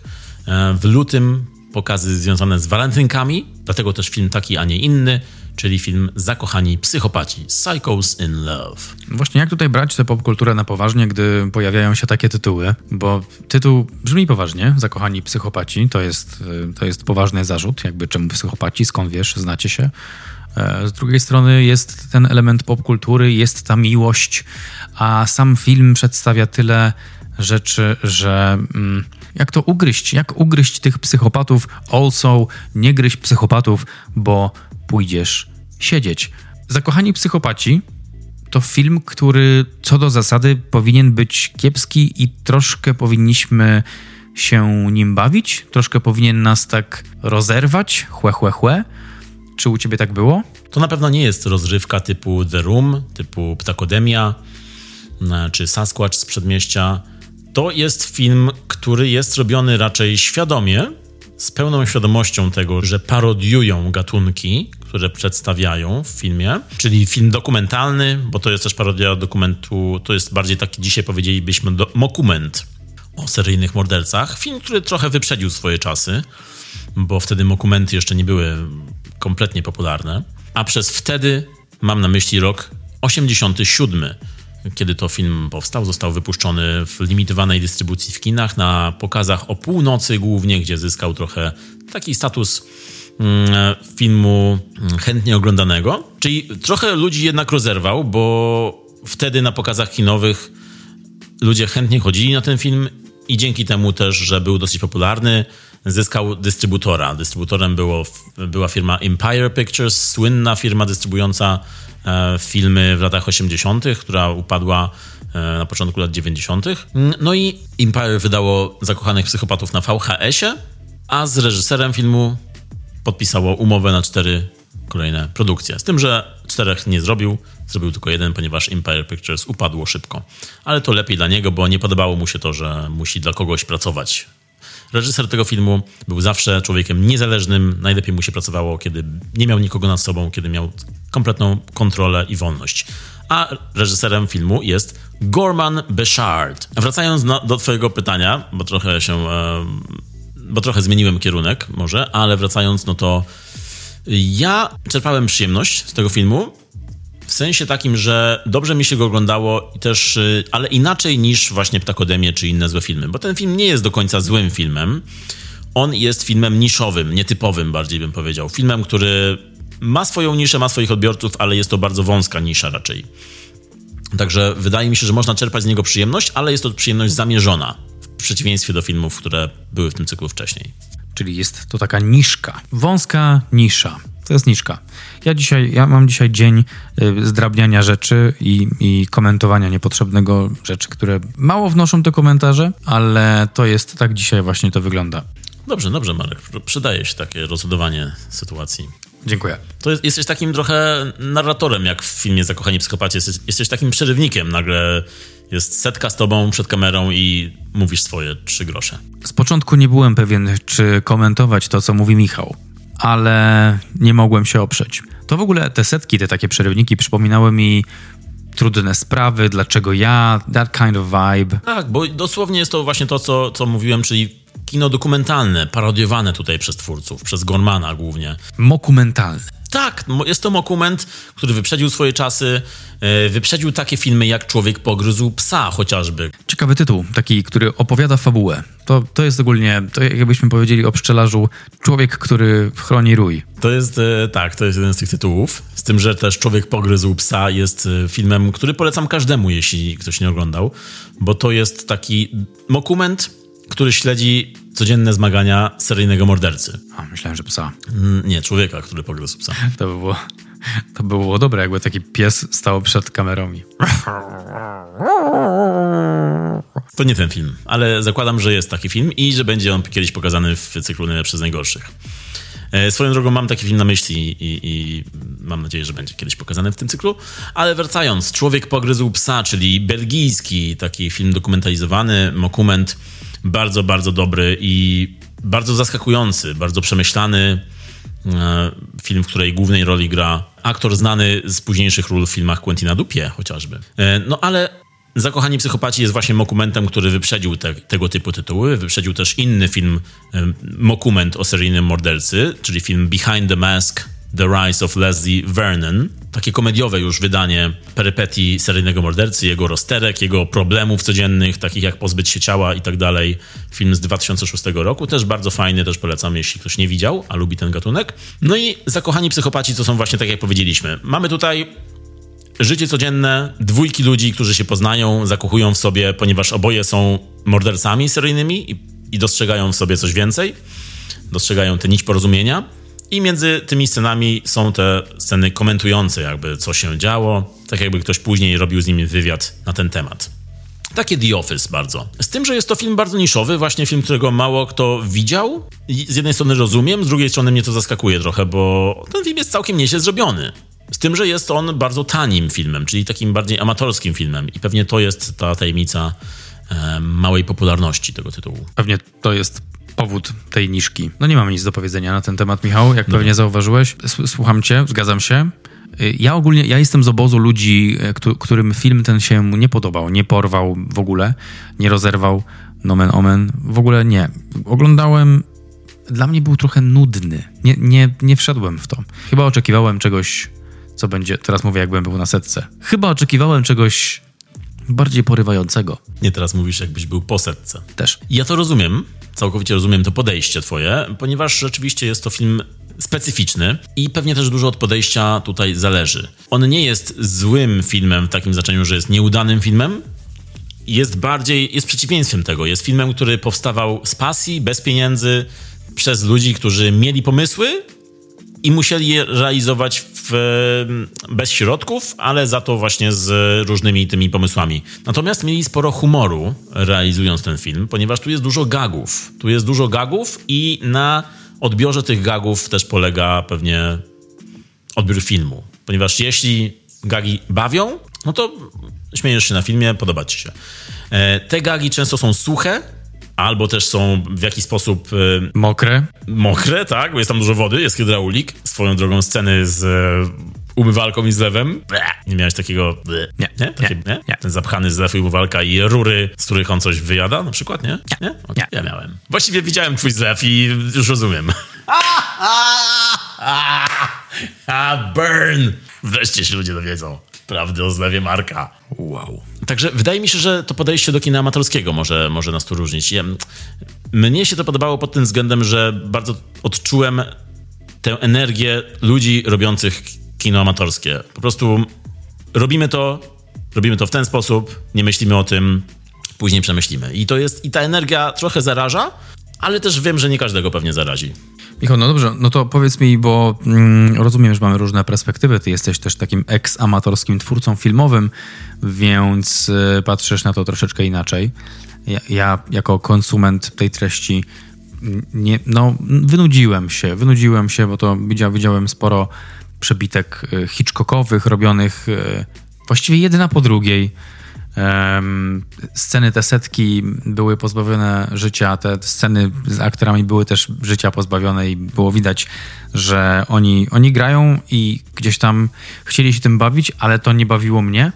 E, no i no i jestem ciekaw, chciałbym ci zadać pytanie, czy ty w ogóle, czy ty, Michał, lubisz winogrona? Świetne pytanie. Gdybym był teraz postacią z tego filmu, to bym powiedział, że nienawidzę winogron. A, czyli musiałbym cię zabić. Nie, ponieważ nienawidzę winogron. Ach, faktycznie, oni nienawidzili. Tak, tak, tak. Ale niestety nie jestem postacią z tego filmu, albo może na szczęście. I bardzo lubię winogrona. Okej, okay, czyli pewnie my byśmy nie żyli, bylibyśmy ich ofiarami. Tak, bo ty też lubisz winogrona, prawda? Tak, lubię, lubię, tak. No tak. właśnie. Także y, lubię sok winogronowy, lubię winogrona, lubię przeciery winogronowe, lubię... Wino. Wino winogronowe, winogrono... Lubisz zielone winogrona czy fioletowe? I takie, i takie. Wow. Zdecydowanie nie żyjesz w ich oczach. Lubię. Co jest jeszcze z winogron? Buty? Lubię buty winogronowe. Mm-hmm. Bułeczki. No i tak, nasi zakochani psychopaci filmowi to są ludzie, którzy, których łączy to, że nienawidzą winogron i zabijają ludzi, którzy lubią winogrona. To w tej kolejności. To jest, to, to ich połączyło. Najpierw nienawiść do winogron, a potem hej, ty też zabijasz? Tak jest, tak jest. Także y, jest tu sporo właśnie takich pomysłów, takich bardzo głupiutkich, powiedziałbym. Przetłumaczyłbym to z angielskiego jako silly. silly. Bo ten film jest taki że ma takie silly ideas. To są gagi jak z braci Marx, z Monty Pythona, którymi zresztą twórcy się inspirowali. Oni chcieli ten humor wykorzystać w filmie. Przez co ten film jak dla mnie trochę wygląda jak taki, taka Allenowska wersja slashera, tak jak Woody Allen by robił trochę slasher. Ale fajne porównanie, bardzo trafne nawet w mojej skromnej ocenie. No bo tam często, często łamią konwencje, to jest niby fabularne, ale trochę dokumentalne, ale trochę tak łamią ścianę, czwartą ścianę, więc e, tak, tak jest na poziomie meta. Ciężko, ciężko mi to... Po prostu ty jesteś czy ty jesteś bardziej zakochany, czy bardziej psychopata? Jestem zdecydowanie bardziej zakochany, ale jak oglądałem ten film, to myślałem, że jestem bardziej psychopata. Dlatego, że? Dlatego, że y, to był taki psychopatyczny vibe i no nie byłem fanem, więc miałem wrażenie, że muszę zmienić sposób myślenia, y, miejsce mentalne, żeby mi się spodobał ten film. Czyli troszkę się odbiłeś od, od tego, co było w filmie. Tak, odbiłem się, tak. To było, to było nudne dla mnie. I też nie zrozum mnie źle do końca, ponieważ ja nie uważam, że to jest dobry film w żaden sposób. Ja ten film na przykład bardziej szanuję, niż uważam, że jest dobry. Rozumiem, rozumiem. Nie uważam, że to jest zły film, nie uważam, że to jest dobry film. To jest właśnie dla mnie taki e, średni film, ponieważ doceniam tu wiele rzeczy, szanuję twórców za to, że zrobili coś takiego. Ten film powstał za 75 tysięcy dolarów. Powstał, e, był kręcony weekendami w mieszkaniu reżysera. Był kręcony na ścinkach taśmy filmowej, które zostawały z innych produkcji tak magazynowali je i jak uzbierali wystarczającą ilość, to kręcili sceny. No i był bardzo amatorsko kręcony, bardzo taki w bardzo nietypowych warunkach. I gdyby nie to, że twórcy mieli bardzo dużo pasji i energii tej filmowej, no to na pewno by to nie powstało. Głównymi siłami napędowymi tego scenariusza, tego filmu to jest kokaina. To też, na pewno, bo to widać w tym filmie. Widać po grze nawet głównego aktora i po tym, jaki on był w rzeczywistości, ponieważ widziałem taki making of tego filmu i ten gość, on na co dzień dosłownie tak samo się zachowuje. Tak, tak, widziałem, odpalony. Tak jest. Ja myślałem sobie, że to były dokładnie lata 80. na kokainie. E, a przez tego gościa mam na myśli człowieka o nazwisku Carmine Capobianco, czyli kolega reżysera, który się nazywa Gorman Bechard swoją drogą imię Gorman. Właśnie swoim, swoją drogą imiona w ogóle. Nie tylko Gorman, ale Carmine Capobianco? Czy powiedz mi, ile, ile miał pod sobą rodzin ten człowiek i, i jaką dzielnicą Nowego Jorku zarządzał. To jest właśnie vibe rodziny Corleone.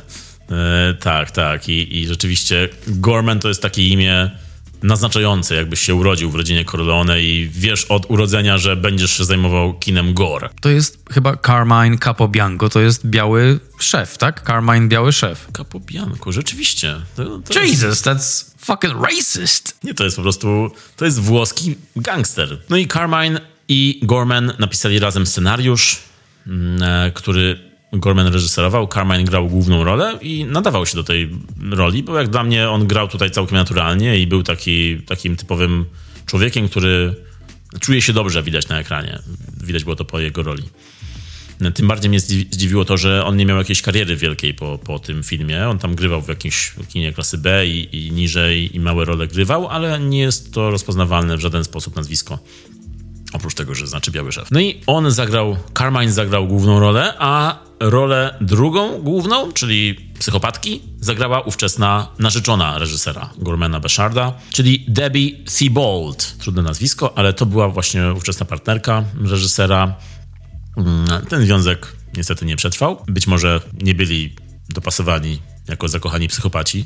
Ktoś z nich lubił winogrona ewidentnie. No i trzecią rolę trzeciego psychopaty gra tutaj Frank Stewart. Człowiek, który nie był aktorem, który był kolegą i przy okazji jazzmenem grał jazz y, i ten jazz postanowili wykorzystać chyba w filmie, bo jego utwory się pojawiają. Zagrał, w ogóle jego rola jest trochę jakby dopisana do scenariusza. Ten scenariusz chyba ewoluował w trakcie, był do, było dopisywane trochę rzeczy w trakcie kręcenia. No i ten scenariusz też nie był napisany całkowicie, ponieważ dużo na planie improwizowali. Co widać na filmie, jest dużo scen, które od razu czujesz, że to była scena zaimprowizowana na miejscu, tego dnia na planie. Jest taka scena jak całkowicie z dokumentu, kiedy nasza para główna pozbywa się ciała i jest taka rozmowa, jak jedna, ona wchodzi do domu, mówi hi honey, I'm home, on w tym czasie kroi ciało i jest tak, ta kamera tak jakby im dosłownie przeszkadzała, tak e, pomiędzy nimi stoi i tak e, rusza się od jednego do drugiego. Nawet mikrofon pojawia się w kadrze, wchodzi w twarz tej dziewczynie i, i ta scena bardzo ma taki, taką energię improwizowaną, który, która, która po prostu została w filmie, ponieważ wyglądała fajnie. I, i rzeczywiście wygląda fajnie. Ta scena była dla mnie okropna. Okrutnie źle na mnie działała, bo to był taki moment też przerywający trochę konwencję. No i teraz to jest e, kwestia, jaki, jakie kryterium obierasz, żeby ocenić e, film. Ty mówisz o tym, że doceniasz to, że na ścinkach taśmy, że to jest takie, że wiesz, powiesz o budżecie, tutaj o pomyśle i że tak doceniasz wysiłek, ponieważ okoliczności. No nie oceniamy tak zwykle filmów na co dzień, to jest wyjątkowa sytuacja i ty masz tę wyjątkową perspektywę. Patryk Wega by to pochwalił, bo masz dostęp do wiedzy, do której nie ma dostępu 99% społeczeństwa i wiesz, co stoi za realizacją takiego projektu, zwłaszcza gdy pojawiają się pewne przeciwności. Ja podszedłem do tego filmu tak z perspektywy konsumenta, czy to mi się podoba, czy ta konwencja jest ok dla mnie, czy tu jest jakaś historia, czy tutaj jest jakaś wizualna estetyka no nie mogłem i ciężko mi bardzo było zostać z tym filmem, bo, bo te kolejne sceny były dla mnie tak wpychane na siłę. Pamiętam tę scenę, jak, e, jak oni się tam pojawili, ten mikrofon pojawił się w kadrze. Jakby nie rozumiałem, czy oni tego chcą, czy nie, czy to jest coś, co oni zaplanowali, czy nie zaplanowali. Trochę to wyjaśniła późniejsza scena takiej masakry, w której to farbą, chyba farbę dokładali do, do zwłok. I to było już ewidentne łamanie ściany zamierzone, ale ta pierwsza scena to była taka, że ej, co się tutaj dzieje i czemu jest tyle piersi wszędzie? Tak, po pierwsze powiem, że tak, to jest ewidentnie taka zgrywa jedna wielka ze strony twórców, którzy chcą parodiować e, te, te wszystkie tytuły, które się pojawiają. To są takie inspiracje parodiowane przez ich estetykę amatorską, więc jest to, jest to trochę taki straszny film e, swojego czasu, robiony bez pieniędzy i, i z pomysłami e, po prostu improwizowanymi na planie. To pierwsza rzecz. Druga rzecz a propos tego, co powiedziałeś o ocenianiu. To jest zawsze dylemat. Zawsze jest ta kwestia sporna, jak oceniać tego typu filmy. E, my zazwyczaj oceniamy na jedynkę z serduszkiem filmy typu The Room, Ptakodemia, e, ponieważ jest to bardzo złe kino, które jednak bardzo dobrze wchodzi. E, natomiast dzisiejszy film nie jest tego typu filmem, ponieważ nie możemy go ocenić na, na przykład na, na film który jest filmem imprezowym, puścisz go na imprezie i wszyscy oglądają, są w tym. Nie, to jest tak, że ktoś, kto przyjdzie na ten seans z ulicy, to po pięciu minutach może wyjść po prostu. Bo mm, nie każdy złapie te konwencje, nie każdy może lubić właśnie te konwencje. Ja, tak jak już powiedziałem wcześniej, ja doceniam ten film, podobają mi się pomysły w nim, podoba mi się to, że on łamie czwartą ścianę, że jest tutaj sporo meta pomysłów, sporo meta scen, I bardziej oceniam właśnie pojedyncze pomysły niż cały film. Mm. To, jest, to jest coś tak na zasadzie, nie wiem, kabaretu. Niektóre gagi działają, niektóre nie. To jest coś, też coś na zasadzie filmu takiego jak zestawy sketchów Monty Pythona, nie wiem, a teraz e, sketch z papugą, nie, sketchu z papugą nie będzie, albo a teraz zupełnie innej beczki, kiedy ktoś może bardziej lubić jeden sketch, drugi mniej, ja lubię oczywiście wszystkie, ale w tym filmie Zakochani Psychopaci niektórzy mogą, powiedzmy, zaśmiać się na jednej scenie, na dziesięciu kolejnych mogą y, patrzeć w ekran i, i czuć suchość w ustach. I oczywiście, tak jest też na naszym podcaście. Chyba dlatego to doceniam, bo te suche żarty możemy bardzo odnieść do tego, co my tutaj mówimy często. Więc doceniam te próby, że oni próbowali po prostu. Okej, okay, no rzeczywiście widać, że próbowali. Było dużo scen, które e, technicznie nie wychodziły nawet. Po prostu nie wychodziły. Widać było, że to jest fake.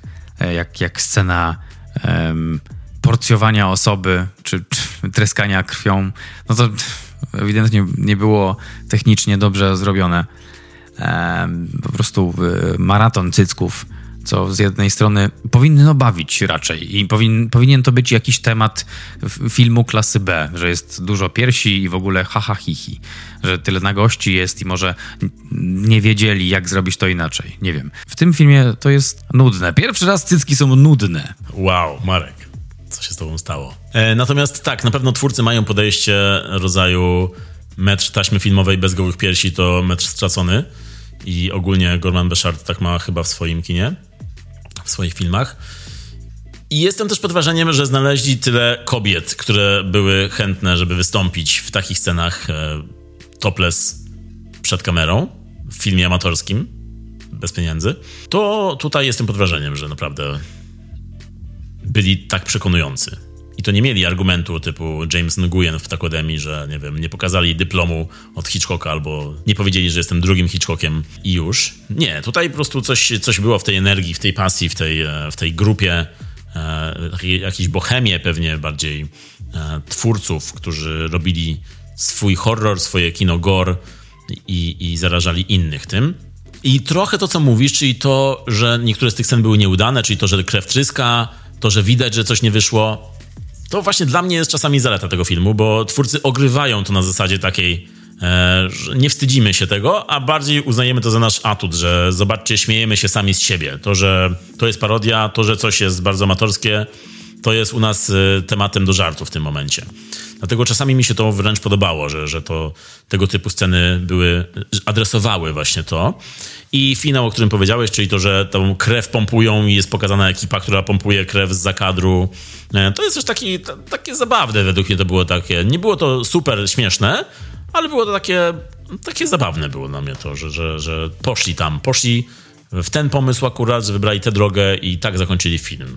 Tak, ten drugi raz, gdy złamali ścianę, przynajmniej kiedy pamiętam, to było ok. Ten drugi eksperyment był lepszy na pewno niż ten, w którym pojawił się mikrofon w ekranie i tak za bardzo nie wiedziałem, czy tak ma być, czy nie, czy tam... Okej, okay, no jakoś to czytałem tak, że, że, tak ma być. Ale też jeszcze jedna scena była łamiąca czwartą ścianę, która mi się podobała, czyli scena w barze w której długa scena w ogóle, rozciągnięta, w której gość nie mówiący po angielsku, nie wiem, czy on po japońsku mówił, czy w kimonie siedział przy tym barze i, i opowiadał każdemu tę samą historię i każdy jakby e, rozumiał to, co on mówił po japońsku. Każdy się dosiadał, rozumiał tę historię i puentą po pięciu minutach tej sceny było to, że Joe, główny bohater, spogląda w kamerę jakby z zabaru i mówi, że to jest moment, w którym pewnie przydałyby się wam napisy, nie?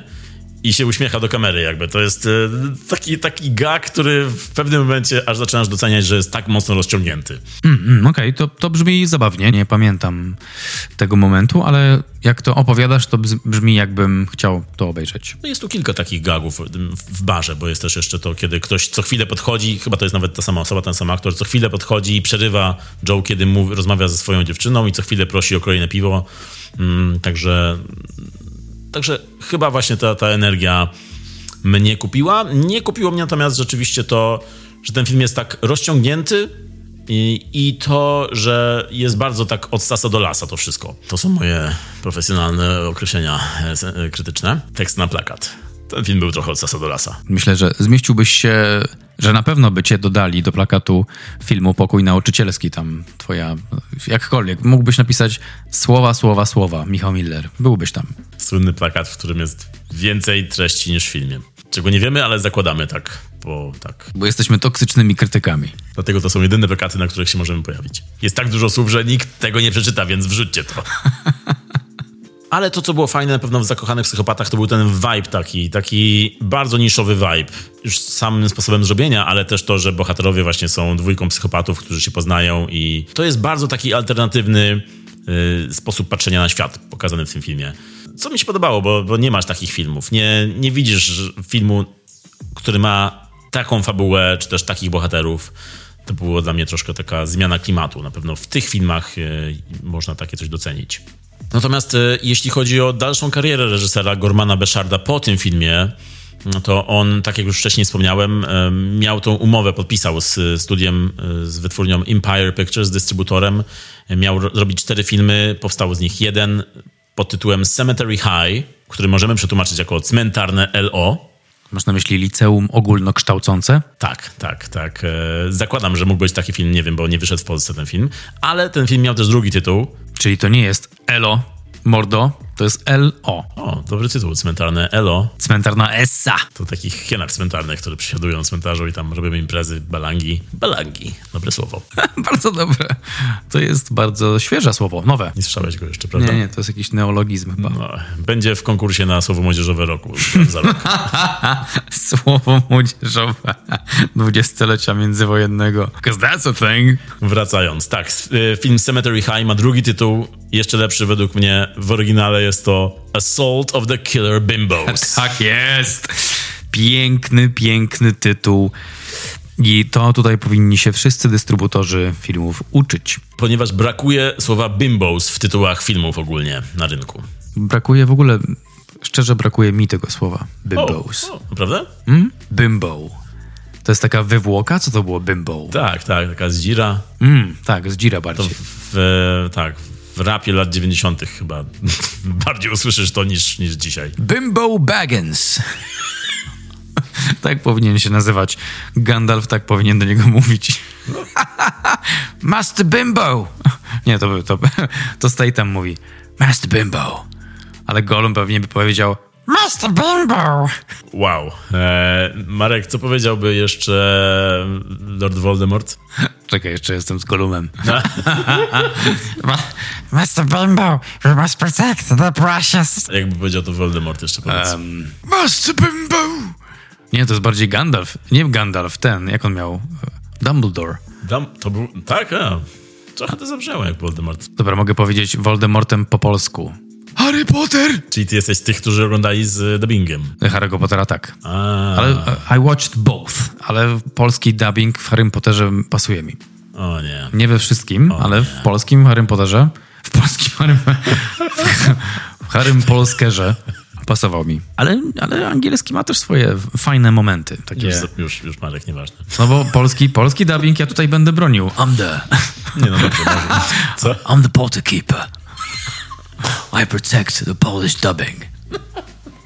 Ja tutaj będę bronił, ponieważ wychowywałem się na tym i e, bardzo mi się podobał. I bardzo serdecznie pozdrawiam Jonasza Tołopiło, który podkładał głos pod Harry'ego Pottera i bardzo lubiłem to, jak to robił. Chwilowy taki kącik Mareczka. To jest taki shout-out do Jonasza. Taki kącik Mareczka, jak był mały.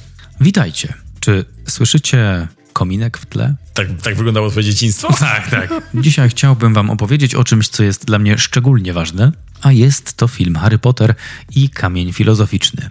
Dubbing. Może dlatego, że sam się zajmowałem dubbingiem raz na warsztatach i to było bardzo przyjemne i widzisz Michał, ty doceniasz pomysły w e, e, psychopatach, zakochanych psychopatach. Ja doceniam pomysły polskich dialogistów i aktorów głosowych. To był kącik e, polskiego dubbingu z Markiem. Tak, ale masz rację, że każdy ma swój kącik. Ty masz właśnie polski dubbing, ja mam zakochanych psychopatów, czy też ogólnie y, kino amatorskie, bądź złe kino. Wracając do... Co my, o czym mówiliśmy przed Harrym Potterem? A, bimbos! Bimbos! To jest- Ale mamy zasięg. To jest nasz sposób myślenia. Od bimbos do Harry'ego Pottera z polskim dubbingiem. Teraz już rozumiem, czemu tam poszliśmy. Teraz pewnie rozumiesz twórców zakochanych psychopatów też. Bimbo Baggins się pojawił. Ojej. Ktoś Jak- pomyślał, ej, zróbmy to tak? A wszyscy mówią, dobra, świetny pomysł. Tak, czyli Assault of the Killer Bimbos to był film, e, w, w ogóle w polskim tłumaczeniu można by to przetłumaczyć jako atak morderczych blachar, zir, coś takiego. E, Ten film powstał dla Empire Pictures, później Empire niestety się rozpadło, więc e, kontrakt wygasł e, i Gorman się bardzo cieszył, ponieważ nie znosił pracy po prostu pod kimś. Nie, zno, nie podobało mu się to, że, że ktoś ma kontrolę nad jego filmami, bo on wyrastając z kina amatorskiego, niezależnego, chciał mieć całkowitą kontrolę. Po tych słabych doświadczeniach właśnie z kręceniem filmu dla kogoś, e, troszkę się wtedy obraził na kino i przestał kręcić na jakiś czas. E, Zaczął pisać książki. Wydał kilka książek e, i nawet dwie z tych książek zostały kupione przez wytwórnie, mm, duże wytwórnie hollywoodzkie. Mm, Niestety żaden film się nie ukazał, ale jeden film był blisko już realizacji i miała w nim zagrać Winona Ryder w roli córki Jezusa. Także ja chciałbym przeczytać tę książkę lub te książki. Są one określane często jako komediowe, jako takie też trochę outsiderskie, nietypowe, mm, jak chyba twórczość e, Beszarda ogólnie. No i później troszkę się już odobraził na kino Beszard i zrobił w 2002 roku film dla wytwórni, ale tani film, Pocałunek, gdzie grał Terence Stamp chociażby. Mm, Także jakieś nazwiska e, znane tam się e, pojawiły. Ale znowu mu się nie podobało doświadczenie, jakie, jakie wyniósł z tego filmu. To, że znowu studio miało decyzję, miało ostateczne decyzje i, i znowu się troszkę obraził, ale trzy lata później się znowu odobraził i w 2005 stwierdził, że no dobra, może jeszcze raz spróbuję. No i z tego wyszło chyba jakieś 5-6 filmów. Ale te filmy już były mikrobudżetami, to były filmy niezależne.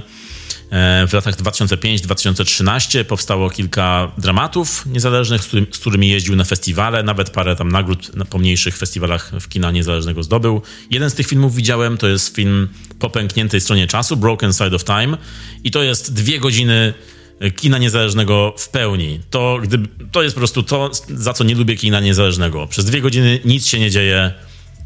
Sceny są tak wydłużone, jak się tylko da. I jedyne, co Bechard zatrzymał jakby ze, swojego, ze swoich lat 80., to podejście, że metr taśmy filmowej bez gołych piersi to metr stracony, ponieważ w tym filmie non-stop są gołe piersi. E, ale bardzo mi się ten film nie podobał i był bardzo nudny, bardzo mnie wynudził. To jest film, w którym po prostu modelka jeździ po Stanach i robi sobie zdjęcia i tyle. E, pewnie tam jakaś historia głębsza jest, ale, ale no, jest to tak podane, że, że nie da się po prostu prze, przebrnąć przez to. Natomiast y, Bechard wtedy po tych y, latach kina niezależnego w 2013 roku przestał robić filmy, zaczął robić teledyski i filmy dokumentalne, głównie dokumenty muzyczne o takich zespołach jak The Pretenders, tam się pojawiają różne znane nazwiska, znane twarze muzyków. Tam Brian May się wypowiadał w jednym z tych dokumentów. Ogólnie to jest człowiek, który dzisiaj się zajmuje bardziej teledyskami niezależnymi i dokumentami niezależnymi o muzyce. A oprócz tego ma swój własny festiwal filmów dokumentalnych, który organizuje od 2014 roku. Także to jest. E, ma też swoją stronę i swój kanał na YouTubie, Gorman Bashard, którą można odwiedzić i, i sprawdzić, co tam dzisiaj u niego słychać. No to tyle i pora chyba już najwyższa na... Pop. Sumowanko. No to ja nie kryłem się od początku, że ten film y, u mnie nie wylądował na moim pasie startowym. Możliwe, że wylądował na pasie końcowym. Lubię winogrona. Może dlatego nie podobał mi się ten film. Ale nie, z powodów, które wymieniliśmy dzisiaj w nagraniu, ten film u mnie no mi nie przypasował, był trochę nudny. Nie, naprawdę nie podobała mi się ta e, eksploitacja psychozy, taka jedno po drugim. Nie, nie, to mi się nie podobało. Te, te setki i, i e, to, co, to, co mi się podobało i właściwie uważałem, że to jest, doceniłem to jako pomysł, tutaj cytuję Michała Millera, to, mm, to to, że niektóre sceny gorowe były naprawdę spoko, spoko zrealizowane. E, cięcia zwłaszcza spoko były pokazane. Podobało mi się to, że zmieniała się narracja między setkami. Raz było z perspektywy chłopa, raz było z perspektywy typiary. Podobało mi się to, że ten chłop miał dobrze przyciętą brodę na szyi, włosy na szyi. Check! Bardzo równa linia, e, super. Nadal nie zmieniam zdania na temat winogron. Lubię, chętnie zjem. E, ja oceniłem ten film na 3 na 10. Dla mnie był po prostu nudny. Włączyłem sobie go z taką nadzieją, że, że będę się dobrze bawił. Nie bawiłem się dobrze. Ale fajnie, że tyle rzeczy dzisiaj przedstawiłeś, Michał, nam wszystkim. Na pewno czegoś się nauczyliśmy. I um, nie wiem, co powiedzieć więcej. Czekamy na więcej, Gorman? Nie. I don't think so. I to bardziej mi przypominało takie rzeźbienie na bieżąco jakiegoś projektu, który nie, bardzo, nie za bardzo wychodzi, więc zamienimy ten pomysł jakimś innym, który po prostu tu będzie i tak jak wyjdzie, tak wyjdzie, więc luz. Bawimy się dobrze, nie przejmujmy się tym. Dla mnie wyszło nudno. 3 na 10. 3 na 10 to jest taka najgorsza ocena w moim mniemaniu, ponieważ to nie jest ani tak bardzo zły film, żeby się podobał, ani też nie jest dobry.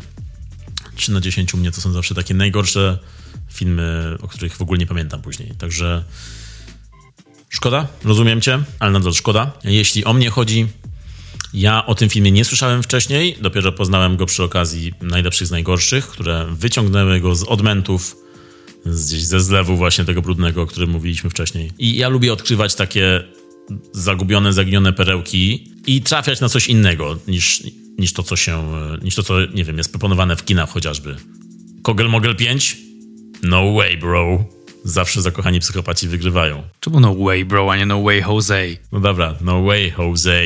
A może no way... I'm the Jose Keeper. E, tak, także zakochani psychopaci zawsze lepsi niż Kogel Srogel. Miałem pewną radość z odkrywania tego filmu i z tego, co ten film i co twórcy przyniosą dalej z każdą kolejną sceną, z każdą kolejną minutą, jakie jeszcze pomysły mieli tam na planie i co tam jeszcze im przyszło do głowy, zdrowego czy też niezdrowego.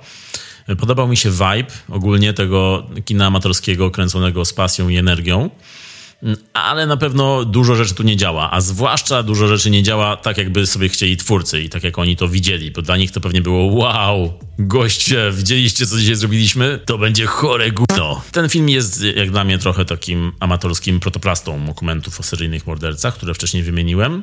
Mm, co też było dla mnie swoistym odkryciem, bo nie zdawałem sobie sprawy z jego istnienia. E, jeśli chodzi o sam film, no na pewno nie jest dla każdego. Myślę, że można się pośmiać. Są takie sceny, które działają tutaj. I mimo tego właśnie braku pieniędzy, braku doświadczenia, to niektóre sceny działają dosyć dobrze. Dużo scen nie działa, ale też dużo scen nie działa na zasadzie takiej, że mimo to mają jakiś urok. Bo ten film ma swoisty urok. E, niby jest to kino gore, ale tak naprawdę jest tam bardzo przymrużone oko i jest e, to gore które jest pokazane nieźle, jak na brak budżetu, ale po latach patrzymy na pewno na takie sceny inaczej i, i oddziałują tylko na naprawdę wrażliwych ludzi. A ten film na plakacie ma tekst Too gory for, for the silver screen, czyli zbyt e, brutalny dla, dla kin. Dlatego wyszedł później na wideo z takim tekstem, żeby, żeby przyciągnąć więcej widzów. No, dzisiaj ten tekst nie ma mocy i to gore nie ma mocy, ale, ale jak na tamte czasy i na brak budżetu, to jest na pewno w jakiś sposób Mm, imponujące. Natomiast ta jakaś chemia i takie uczucie w centrum tego filmu, który jest trochę komedią romantyczną, Arebur i, i trochę ten alternatywny sposób życia podkreśla, to mnie nawet urzekło. No i jest tutaj sporo inspiracji z kina. Bohaterowie zżynają z innych filmów, jak to fani kina. Jest scena, kiedy wypożyczają filmy w lokalnej wypożyczalni. Tam padają tytuły jak Piątek 13, Halloween, masowo wypożyczają wszystkie horrory. Ciekawostka taka, że wśród tych tytułów horrorowych e, pracownik wypożyczalni wymienia nagle film The House That Jack Built, dom, który zbudował Jack. Co mnie zaskoczyło, wygooglowałem i nie było w tamtym czasie takiego filmu. Był jakiś serial albo miniserial na pewno nie było takiego horroru. Dopiero przecież Lars von Trier zrobił dom, który zbudował Jack kilka lat temu. To mnie bardzo zastanawiało, czy, czy Lars von Trier oglądał Zakochanych Psychopatów. Pytanie na dziś. No, natomiast są właśnie takie sceny jak e, wypożyczalnia i później, po wypo- i później po wypożyczalni, kiedy nasi psychopaci poznają uroki kina i zakochują się w kinie, w VHS-ie. To, to całkiem fajna scena, naprawdę, jak dla mnie. Ten film i ten scenariusz w 2003 roku zmienił się w sztukę teatralną, którą Beszard wystawiał w eksperymentalnym teatrze, co też sporo mówi, bo ten film jest dosyć teatralny. To jest film jednego miejsca, czy tam dwóch miejsc może. Mm, no i później też mówiono o sequelu. Twórcy myśleli o tym, żeby zrobić drugą część, ale do tej pory nic z tego nie wyszło. Być może kiedyś. No, natomiast dla mnie to jest tak, jak mówiłem wcześniej. Nie jest to film dobry, nie jest to film na tyle zły, żeby czerpać z niego radość, ale jest to film, w którym doceniam trochę rzeczy E, na pewno nie jest to film, który każdemu polecam i nie jest to film na imprezę, film dla wybranych ludzi. 5 na 10 ode mnie, tak po środku. Michał Miller, człowiek wielkiej nadziei, wielkich oczekiwań i dumy i uprzedzenia. Nie, jakoś mi tak pasowało, tak pomyślałem, powiem to. To ma sens. E, w przeciwieństwie do tego filmu. Dla mnie, dla mnie przynajmniej, Michał. Przepraszam, ja też nie widzę tu sensu w wielu scenach, bo to jest film, który raczej sensu nie szuka. Nie szuka też e, winogron, bo ich nienawidzi. Ja chciałbym powiedzieć taką jedną rzecz na koniec, o której zapomniałem, więc powiem coś innego, ale pamiętam, że w trakcie nagrania miałem takie ej, to będzie dobre na koniec. Teraz już tego nie mam. So... Brzmi jak scena z Memento. Może po prostu chodźmy zjeść winogrona i przepicie miodem. Chętnie bym to zrobił, zwłaszcza z Jasonem Stathamem, który mówi I'm the grape keeper. I protect the wine. I w tym momencie przychodzą zakochani psychopaci i go mordują. tak bo on winogrona lubi, oni nienawidzą. PopTok, moi drodzy. Yy, jesteśmy tutaj już ponad 3 lata i jesteście z nami, za co bardzo dziękujemy. Yy, winogrona będziemy jeść i będziemy mówić o złym filmie, o filmie klasy B. Albo klasy B. Albo klasy B, jak e, pszczoła. Znajdziecie nas na socialach, na Instagramie, na Facebooku jako totalny brak kultury, ponieważ jej mamy bardzo mało. Znajdziecie nas również na Spotify, YouTube i Apple Podcasts. Tam możecie nas wyszukać i posłuchać i mamy nadzieję, że jeszcze będziemy się słyszeć. Dzisiaj bzyczeli do Was jak zwykle Michał Miller i Marek Pszczepański. O, no, ty masz taki akcent na koniec? To jest taki, wiesz, taki pszczelarz. Czy ty pszczelarz? Bo ja pszczelam. No to ja też pszczelam. Dobrze. Michał Biller. Michał Biller, e, jak pszczółka po angielsku. Tak, to nie wyszło tak dobrze. Jak... Nie? Nie, nie. nie. Dobrze Twoje wyszło, Michał. To mogłoby w takim razie Bichał Biller. Bichał. Beehive Miller. Dokładnie. I protect Beehive. Doszliśmy gdzieś, dobrze. I'm the mic keeper. Także dziękujemy dzisiaj za uwagę Pamiętajcie o miodku, miodek zdrowy jest, trzeba pić, jeść. i do zobaczenia, usłyszenia w następnym. Cześć. I po pszczołach. I po pszczołach, which, which also means, że nie żyjemy, bo są bardzo ważne dla ekosystemu. Jak on tak mógł?